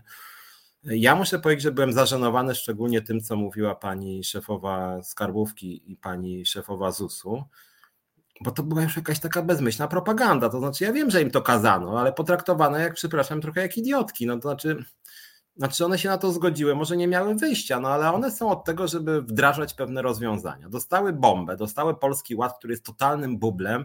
Ja nie zazdroszczę pani Rzeczkowskiej, pani Uścińskiej. Dostały totalny bubel, ale właściwie na ich miejscu to ja bym gdzieś się schował w kącie i czekał, aż to wszystko przejdzie, albo bym się podał do dymisji. Natomiast to, że one wyszły na konferencję po to, żeby mówić te pisowskie frazy godne Brudzińskiego, czy jakiegoś Fogla, że wspaniały program, na którym wszyscy zyskają, wszystko jest jasne. I ja tak sobie myślę, Boże, no pracuje ta Rzeczkowska z tego, co słyszałem, tam nie wiem, ze 20 lat chyba w tej e, skarbówce, nawet chyba jest dosyć dobrze przygotowana merytorycznie. I gada takie kocopały, takie bzdury, no Przyznam, że byłem zażenowany tym, tak? Znaczy ja roz, rozkaz po prostu z góry, no bo ona w końcu jest w randze wiceministra, więc wykonuje rozkazy, ale że, że aż takie smutne, że tak no, że właśnie idą do tych mediów i gadają takie głupoty. Ja wam nie, nie wiem, czy wam mówiłem tydzień temu. Był, y, Agata Jagodzińska zrobiła taką sondę na, na profilu y, Nie ignoruj kas, gdzie są pracownicy skarbówki. 97,8% pracowników, a w sądzie wzięło udział, o ile pamiętam, 1700 osób ponad. 98 prawie procent powiedziało, że Polski Ład jest niejasny, że przepisy są mętne, niejednoznaczne. I wychodzi taka szefowa kasu i w imieniu swoich ludzi mówi: Wszystko jest fantastyczne. No, no jak tak można? No to trzeba, no nie wiem, no trochę się to, moim zdaniem to jest kompromitacja i takie też, no niesmaczne moim zdaniem. Po prostu jest to niesmaczne. Tak samo jak Uścińska wychodzi, mówi, że w ogóle fantastycznie. Pracownicy wiedzą, że przy, Pol- że przy, chciałem powiedzieć przy Polskim Ładzie, pracownicy wiedzą, że Polski Ład jest mętny, a z drugiej strony wiedzą, że przy obsłudze programu Rodzina 500 Plus pracuje nie 50 osób, tylko bliżej 5 tysięcy. I wychodzi taka Uścińska i mówi, wszystko jest w ogóle fantastycznie, wszystko super funkcjonuje, y, ale są nieliczni, którzy tam zgłaszają jakieś zapotrzebowania, ale oni tak naprawdę to w ogóle nie wiedzą, co mówią. Tak jak ten profil twitterowy Polski Ład, że związki zawodowe w ogóle nie wiedzą, jak, jak wygląda praca w ZUS-ie. My nie wiemy. Nasi pracownicy zrzeszeni w naszym związku, którzy są realnymi pracownikami ZUS-u, nie wiedzą, a, a, wie, a wie to jakiś, jakiś tam w PR-ze PiSu zatrudniony pan czy pani prowadzący profil Polski Ład? No przecież to jest jakaś groteska totalna, no, że pracownicy nie wiedzą, jak wygląda praca w ZUS-ie, tylko wiedzą jakieś, jacyś tam, nie ma aparatczycy partyjni. No coś, znaczy to jest moim zdaniem jakieś rzeczywiście strzelanie sobie w kolano. No już taka bezczelność totalna, ja tego kompletnie nie rozumiem, muszę powiedzieć. Eee, Monika im nie należy, zależy na wiedzy, ale na oklaskach i ciekawe znajdują klakierów. No, no niestety tak. No. To, że cały czas ten pismo ma tak 30%, znaczy spadło im, ale niezwykłe. Eee, aha, nie da się uratować wizerunku, którego nigdy nie mieli. Miałam na myśli wizerunek Kac, pisze Monika. Znaczy problem polega na tym, że ja tu się z Agatą zgadzam. Ja nie to, żebym jakoś bronił instytucji państwowych, że one zawsze muszą mieć świetny wizerunek, ale Krajowa Administracja Skarbowa to jest instytucja, która ma dużo ekspertów, ludzi, którzy tam przepracowali, podobnie ZUS, 15-20 lat, którzy mają rzeczywiście bardzo dużą wiedzę na temat prawa podatkowego. Mm, na temat różnych praw związanych właśnie ze skarbowością i moim zdaniem władza centralna po prostu działa na szkodę instytucji, to znaczy psuje ten wizerunek. No. Ja jakbym był pracownikiem dzisiaj skarbówki czy ZUS-u, no to byłoby mi przykro przede wszystkim, tak, że po prostu pracuję od 15 czy 20 lat i robią ze mnie durnia, tak, i każą mi mówić jakieś bzdury, każą mi bronić e, ustawy, która jest totalnym bublem prawnym, gdzie nie ma jednoznacznej wykładni, jak nawet jest, którą głosi Ministerstwo Finansów, to wydaje się ona sprzeczna z konstytucją. No, no trochę się przykro robi po prostu. No, czy to jest. No nie wiem, to jest dzisiaj działanie na szkodę spółki, więc ten protest pracowników skarbówki, ten list, który Agata napisała, to jest też taki głos pracowników, takie wołanie o pomoc, taki krzyk rozpaczy, że no nie psujcie no jakby naszego jakiegoś, nie wiem, godności, tak, etosu naszej instytucji, bo to trochę jest tak samo, to mi się przypomniało, jak był protest też w locie, ten strajk nasz, tak?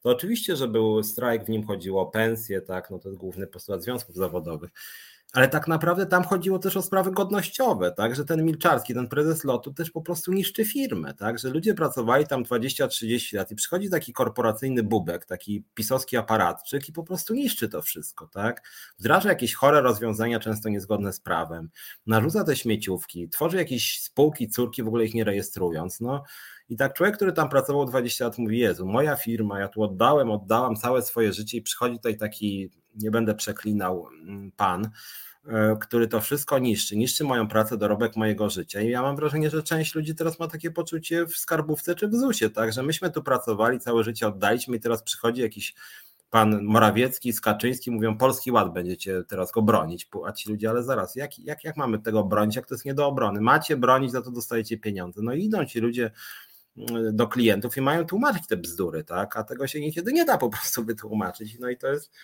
rzeczywiście e, dramat. E, Ilona Garczyńska pisze ciekawostka, w ZUS miesięczne koszty utrzymania związków to 150 tysięcy miesięcznie. No, kodnie. Godnie, przy czym ja bym powiedział, że to nawet nie chodzi tylko o to, że to jest 150 tysięcy miesięcznie, bo to warto by się w szczegółach przyjrzeć, kto tam ile ma, bo przypuszczam, że liderzy Solidarności i OPZZ tu mają te środki takie, bym powiedział, średnia krajowa razy kilka. Natomiast problem polega na tym, że bym mógł nawet przeboleć te dosyć wysokie dla nich wynagrodzenia, gdyby oni cokolwiek robili, a oni po prostu w tym ZUS-ie, jak ja widzę ten OPZZ i Solidarność, to Naprawdę weźcie wy się rozwiążcie po prostu tam, jak chodzi o PZT i Solidarność. Po co wy tam działacie w ogóle? No rozumiem, że po to właśnie, żeby jeden z drugim miał tam 10 tysięcy miesięcznie, ale oni totalnie nic nie robią. Poza tym, że z nami walczą, tak? Tak samo jak w skarbówce Solidarność. Wybitnie nas nie lubi, stara się, żeby wyrzucić nas z wszelkich rozmów. A kto działa, a kto nie działa, no to niech społeczeństwo oceni, czy w skarbówce bardziej działa związkowa alternatywa, czy Solidarność, albo niech w ZUS-ie niech ocenią, czy działa bardziej właśnie związkowa alternatywa niż na przykład OPZZ. Tak? My walczymy, można, ktoś mógłby powiedzieć, my się zapieniamy, my krzyczymy, my pyskujemy, i okej, okay, niektórym może się nie podobać pyskowanie, ale chyba lepiej pyskować i wypyskowywać, że tak powiem, mm, to, że źle się dzieje, że ludzie mało zarabiają, że są fatalne warunki pracy, niż siedzieć gdzieś w kącie i się obżerać, tak jak to robi OPZZ i Solidarność. Więc jak mówię, no każdy powinien sam sobie wybrać. E, Chris Dobbs 97, akurat o patologiach skarbówki wiem dużo, osoba z rodziny tam pracuje, mobbing, niepłatne nadgodziny, jeszcze ostatnio mają zawalone soboty przez Polski Ład. A to ciekawe. Jest Chris, no to może zapraszamy tą osobę z rodziny do Związkowej Alternatywy. Do Agaty można zawsze napisać, do mnie można napisać, więc jeżeli też ta osoba ma dowód na ten mobbing i niepłatne nadgodziny, więc my chętnie wejdziemy w tą problematykę, jakby każdego zapraszamy w nasze szeregi. E, Magdalena Luiza, nadgodziny na odbiór to żadna atrakcja, nadgodziny płatne są lepsze, tylko nimi można przekroczyć próg podatkowy i zamiast, e, zamiast zyskać to się straci, tylko de facto w skarbówce nie ma pojęcia nadgodzin tak naprawdę, jak chodzi o to i tu jest też kłopot, do którego będziemy pewnie wracać. Ilona prawie 2 miliony rocznie za to, że pracownicy nie mają oparcia związków zawodowych, a nie mówię już o tym, ile związki mają ze składek. No więc znaczy dla mnie to jest szokujące, że po prostu płacą ci ludzie te składki na ten OPZZ czy Solidarność. Płacą, nie wiem, 15-20 zł, a czasem 30 miesięcznie. Ja jestem za, no bez, bez składek związki nie przeżyją, wiadomo. Ja też bardzo proszę ludzi, żeby płacili składki do nas. No ale skoro ci ludzie w tym OPZZ Solidarności już totalnie nic nie robią, no ja na przykład mam wrażenie centralnie, to chyba OPZZ ostatnio wręcz walczy o to, żeby nikt, nikt o nic ich nie pytał. Bo ja nie wiem, czy ktokolwiek was słyszał takie nazwiska, jak nie wiem, Andrzej Radzikowski czy Piotr Ostrowski, no bo jakby ich nigdzie nie ma. Znaczy ci ludzie totalnie nic nie robią, zarabiając, nie wiem, 20-30 tysięcy według mojej wiedzy miesięcznie. Totalne jakby zera, jak chodzi o aktywność publiczną. Jakaś taka, takie lenistwo do absurdu doprowadzone, bo bo Duda, no to przynajmniej podlizuje się PiSowi. Znaczy też niesmaczne to jest oczywiście, jak na związkowca, ale jakieś tam profity z tego podlizywania się PiSowi ma Solidarność. A OPZZ to siedzi gdzieś w kącie schowanej, no i trzepią tą kasę, tam też od władzy ją dostają do jakichś pracodawców i nic, zupełnie nic, zupełnie nic nigdzie. Więc to jest dla mnie dosyć e, niesamowite. E, Tomasz Szyndralewicz, a nie zawsze tak było, bywało, że molochy związkowe były szalenie bojowe, choć z merytoryką bywało tak sobie. To znaczy, no nie, e, znaczy różnie bywało. Molochy związkowe, ja mam wrażenie, że niestety następuje jakaś taka degrengolada trochę też Solidarności OPZZ-u. No ja sam kiedyś działałem trochę w OPZZ, trafiłem na mur, wydawało mi się przez chwilę, że coś się uda, tak samo jak Agata kiedyś e, nie tak bardzo dawno temu działała w Solidarności. No i okazało się, że w momencie, kiedy staliśmy się bardziej bojowi, to staliśmy się niewygodni, tak? I okazało się, że jakby za ostro działamy, tak? Że komuś się narażamy, że trzeba się nas pozbyć, no. Darek Bielecki, słuchając, dochodzę do wniosku, że w naszym kraju są tylko pracownicy ZUS, Kaslot, a co z resztą? Hmm. Otóż Darku, problem polega na tym, ja jestem liderem Związkowej Alternatywy, hmm. ja dostaję składki od pracowników ZUS, KAS, LOT, Policji Cywilnej, yy, pracowników socjalnych, yy, mamy jeden związek też w zbrojeniówce, mamy jeden związek w handlu, yy, mamy związek w instytucji kulturalnej w Warszawie, mogę jeszcze trochę wymienić, ale rzeczywiście nie mamy ich wszędzie. E, mamy w TVN od niedawna, mm, e, w Świdnicy teraz przyszedł nam związek. Mm, ja będę gościł, też zapraszał tych ludzi wszystkich tutaj. Ten program jest otwarty dla naszych związków. Natomiast no, generalnie jest tak, że lider związkowy to jest taki ktoś, kto reprezentuje swoich ludzi. Rozwiązania, które wywalczy, są dla wszystkich pracowników danego zakładu pracy. No ale rzeczywiście jest tak, że ja mam wiedzę szczegółową y, tam, gdzie my działamy i dlatego tyle o tym mówię i dlatego między innymi staram się pokazać, że w ZUS-ie, Kasie, Locie Dzisiaj o tych akurat trzech miejscach mówię najwięcej. Działamy bardzo bojowo. Y, wydaje mi się, że dzięki temu działaniu obecnie w kasie pewne rzeczy uda się wywalczyć, więc też pokażemy, że skutecznie działamy.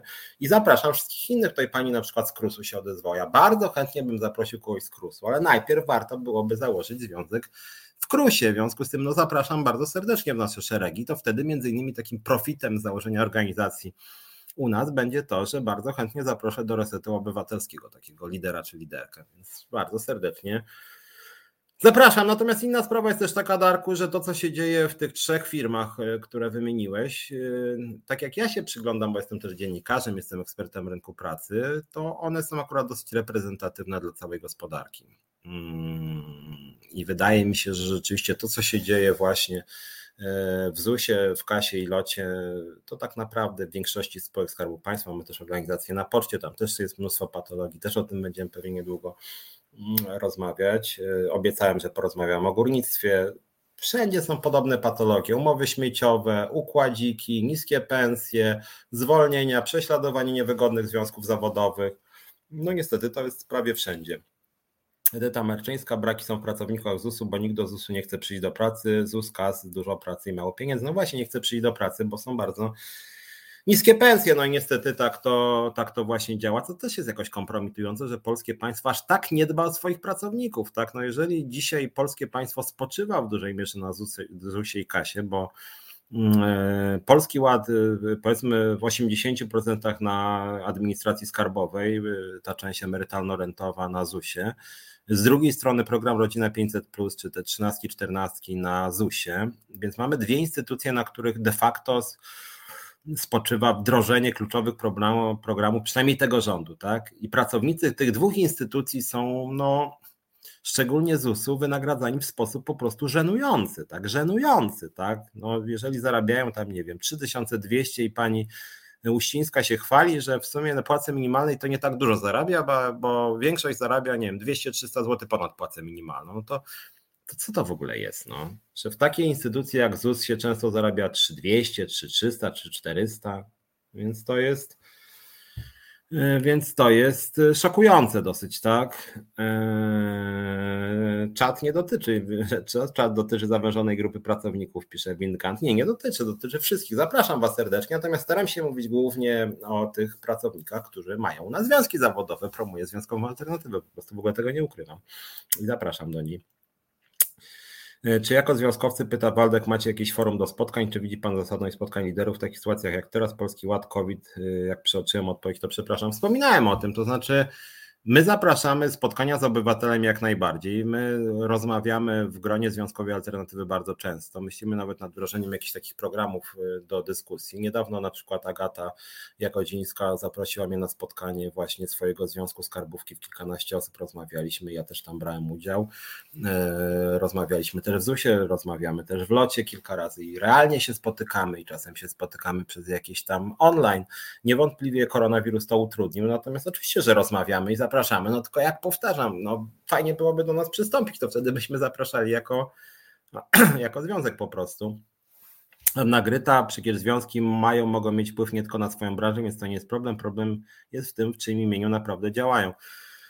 Znaczy, my działamy w imieniu wszystkich pracowników de facto, bo to, co wywalczą związki zawodowe w polskim modelu, jest no, dla wszystkich e, pracowników, a nie tylko dla związkowców. W Szwecji to, co wywalczą związki, jest zazwyczaj dla związków, no ale w Polsce mamy taki, a nie inny model, taką, a nie inną konstytucję, że jak związek coś wywalczy, to wywalczy dla wszystkich. My mamy bardzo określoną wizję gospodarki państwa, polityki społecznej, e, roli związków zawodowych, nierówności i tak dalej, i tak. E, no natomiast byłoby nam łatwiej wywalczyć te rozwiązania dla wszystkich pracowników, jakby nas po prostu było e, więcej. Sylwia J. Gdyby tylko ci z góry rząd, prezesi, dyrektorzy musieli popracować chociaż jeden dzień na infolinii lub na sali obsługi ZUS lub KAS, to by spukli szybko by zmienili front. E, raz czy drugi zebraliby e, joby, to by im się odechciało.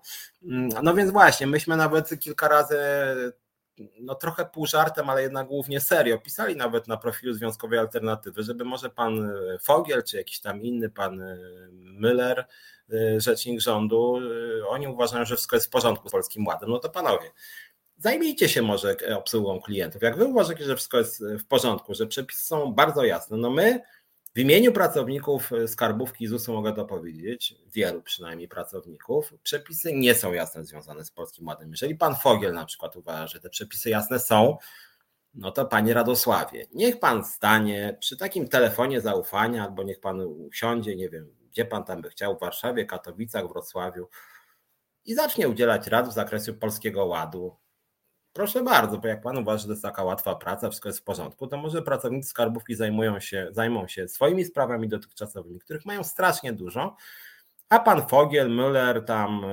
jakiś yy, Morawiecki, proszę bardzo, Kościński, niech oni właśnie staną przy tych infoliniach i się zajmą ich obsługą. No ja byłem na spotkaniu z panią Rzeczkowską, prezeską, szefową e, Krajowej Administracji Skarbowej. Tam wybuchła afera, ja wam o tym opowiadałem, bo oni nam grozili pozwem, jak ja powiedziałem, że wszyscy się zgodziliśmy się, że rząd e, kłamał co do pewnych rozwiązań Polskiego Ładu. Oni uważają, że, że nie kłamał rząd. Mm, no więc jeżeli pani Rzeczkowska uważa, że wszystko jest jasne w Polskim Ładzie, no to niech ona tłumaczy sobie obywatelom. No ja nie zazdroszczę, szczerze powiedziawszy. Na tym spotkaniu, w którym brałem udział, nawet pracownicy skarbówki wymienili kilka bardzo konkretnych spraw, bardzo konkretnych spraw związanych z Polskim Ładem, na które nie znali odpowiedzi i również ze strony pani Rzeczkowskiej i jej doradców odpowiedzi nie widziałem. No niestety, no, ten polski ład jest bublem prawnym, jest bublem prawnym i to, że rząd uparcie chce przerzucać e, odpowiedzialność za ten bubel prawny, to co złe w nim na pracowników skarbówki czy ZUS-u, to jest po prostu skandal, bo za to odpowiada Kaczyński, Morawiecki, może Kościński, może jeszcze jakiś wiceminister finansów, nie wiem, no to niech oni sobie z nimi pogadają i ustalą e, obowiązującą wersję, tak? Więc to panie Piotrze, pyta Windgant i Pani Ilono, jakie macie jako związek plany w stosunku do ZUS-u i kasu na najbliższe miesiące? No my o tym, ja nie chcę się tu wypowiadać w imieniu, e, w, w, imieniu Agaty Ilony. E, ja dzisiaj naumyślnie spotkałem się sam z wami właśnie po to, żeby czytać te wasze e, listy i jakby nakreślić pewną mapę też problemów. Jak pamiętacie, w tym ostatnim zdaniu pis, pisma Agaty Jagodzińskiej pojawiła się perspektywa przystąpienia do protestów.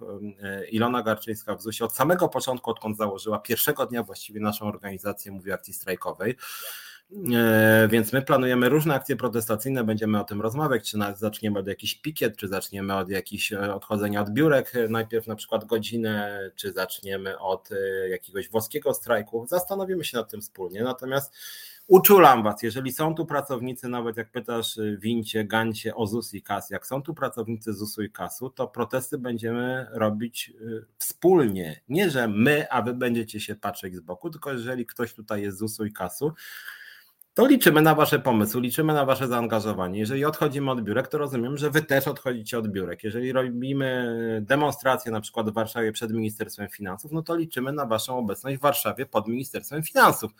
E, w związku z tym e, tutaj my jesteśmy zdecydowani. My z Moniką Żelalik się protestów nie boimy, również ostrych, również takie, jakie były w czasie strajku w locie. My się również strajków nie boimy, nie boimy się blokad, e, nie boimy się różnych metod protestowania. Natomiast rzeczywiście sami tego nie zrobimy. Potrzebni są ludzie, którzy będą razem z nami protestować. O, i, i w tym momencie udało mi się dogonić to, jak wypisaliście, więc chciałem jeszcze kilka rzeczy, e, kilka rzeczy e, powiedzieć. Nie zdążę już dzisiaj powiedzieć o tym, e, że kobiety są dyskryminowane na polskim rynku pracy, a niestety są bardzo brutalnie dyskryminowane na wielu obszarach. Niestety mniej zarabiają, trudniej im awansować, chociaż są lepiej wykształcone od mężczyzn. Mm, wcześniej przechodzą na emeryturę, co skutkuje tym, że mają o wiele niższe emerytury niż mężczyźni, niestety ta przepaść rośnie, więc cały model jest tak skonstruowany, że kobiety mają wypadać z rynku pracy, e, mało zarabiać, mają być sprowadzone do tych funkcji opiekuńczych. No ale o tym może powiemy sobie więcej za tydzień czy za dwa. Natomiast kilka jeszcze takich newsów, które można powiedzieć dopełniają ten obraz, który dzisiaj sobie tutaj nakreśliliśmy. E, mianowicie, nie wiem czy czytaliście, pan Mateusz Morawiecki, nasz drogi premier, podpisał rozporządzenie o nielimitowanych dodatkach dla kadry kierowniczej agent rządowych. Mm. I słuchajcie, jak się takich rzeczach słyszy, to no nie chcę tutaj znowu, bo tam Kowalski się wkurzył, jak się użyło sformułowania, że się nóż w kieszeni otwiera, także to od razu było, że ktoś chciał mi niby krzywdę zrobić.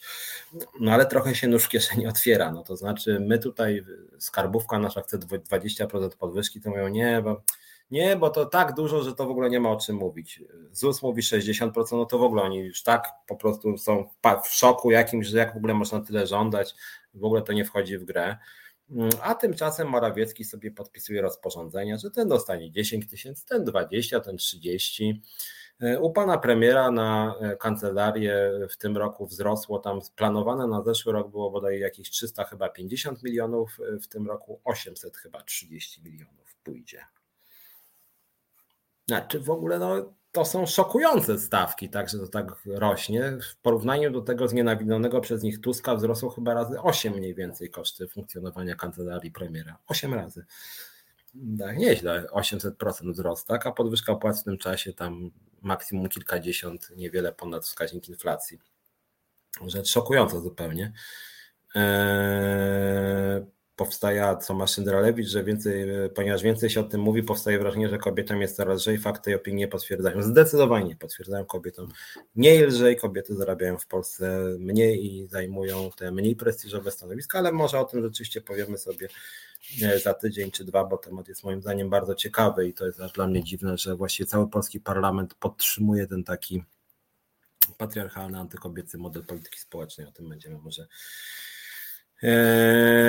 może rozmawiać. Eee, jeszcze dwa zdania odnośnie tego polskiego ładu. Eee, mam takie poczucie, że na części szczególnie różnych tam forów lewicowych jest takie wahanie, czy przypadkiem nie powinno się tego polskiego ładu po części popierać. Ja mam inne zdanie w tej sprawie. Uważam, że polski ład jest fatalnie przygotowany, że jest to ważne, że coś jest fatalnie przygotowane. Nie powinniśmy jednak wspierać fatalnie przygotowanych ustaw, które budzą niechęć społeczeństwa. Z tego co widziałem chyba dzisiaj, był taki sondaż w gazecie prawnej.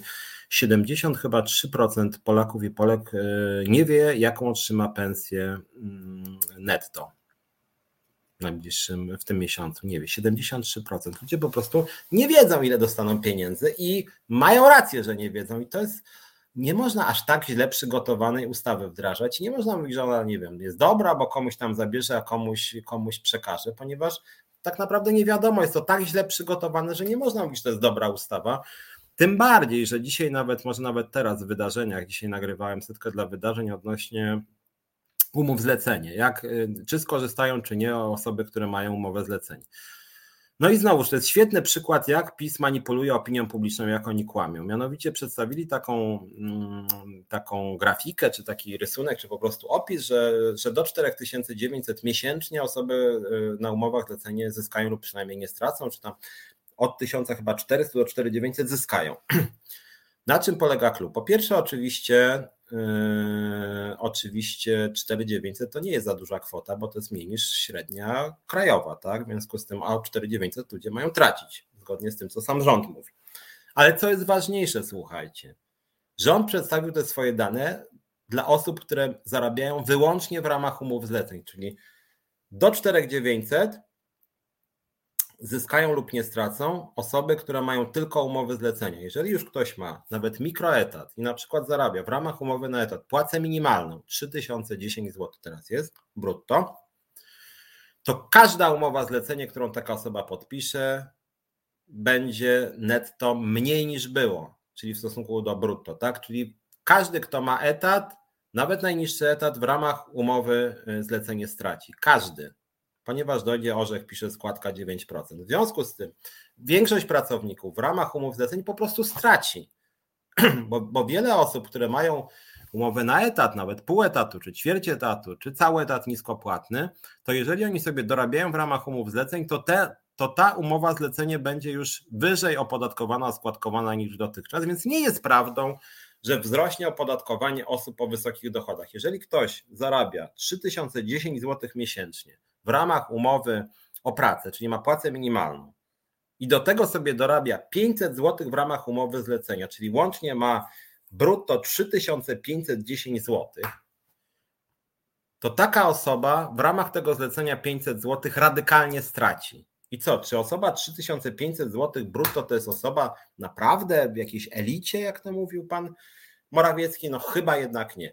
No i tego typu kruczków jest strasznie dużo i dlatego uważam, że y, Polski Ład nie dość, że jest fatalnie przygotowany, to jest również po prostu niesprawiedliwy. Dobra, słuchajcie, widzę, że się trochę rozgadałem, a trzeba kończyć, chociaż tych wypowiedzi o Polskim Ładzie jest y, bardzo dużo groteskowych. Rozśmieszyło mnie tylko to, że Ryszard Terlecki powiedział, że odnośnie Polskiego Ładu popełniliśmy trochę błędów. Jeżeli Terlecki już mówi, że popełniliśmy trochę błędów, to już naprawdę musi być z tym Polskim Ładem Totalny dramat. Dobra, słuchajcie, muszę kończyć. Trzymajcie się, widzimy się i słyszymy za tydzień. Bardzo Wam dziękuję za wiele cennych uwag. Myślę, że warto tak czasem sobie zrobić taki program, gdzie ja rozmawiam z Wami.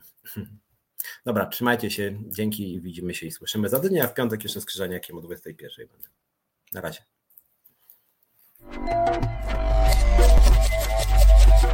Reset Obywatelski.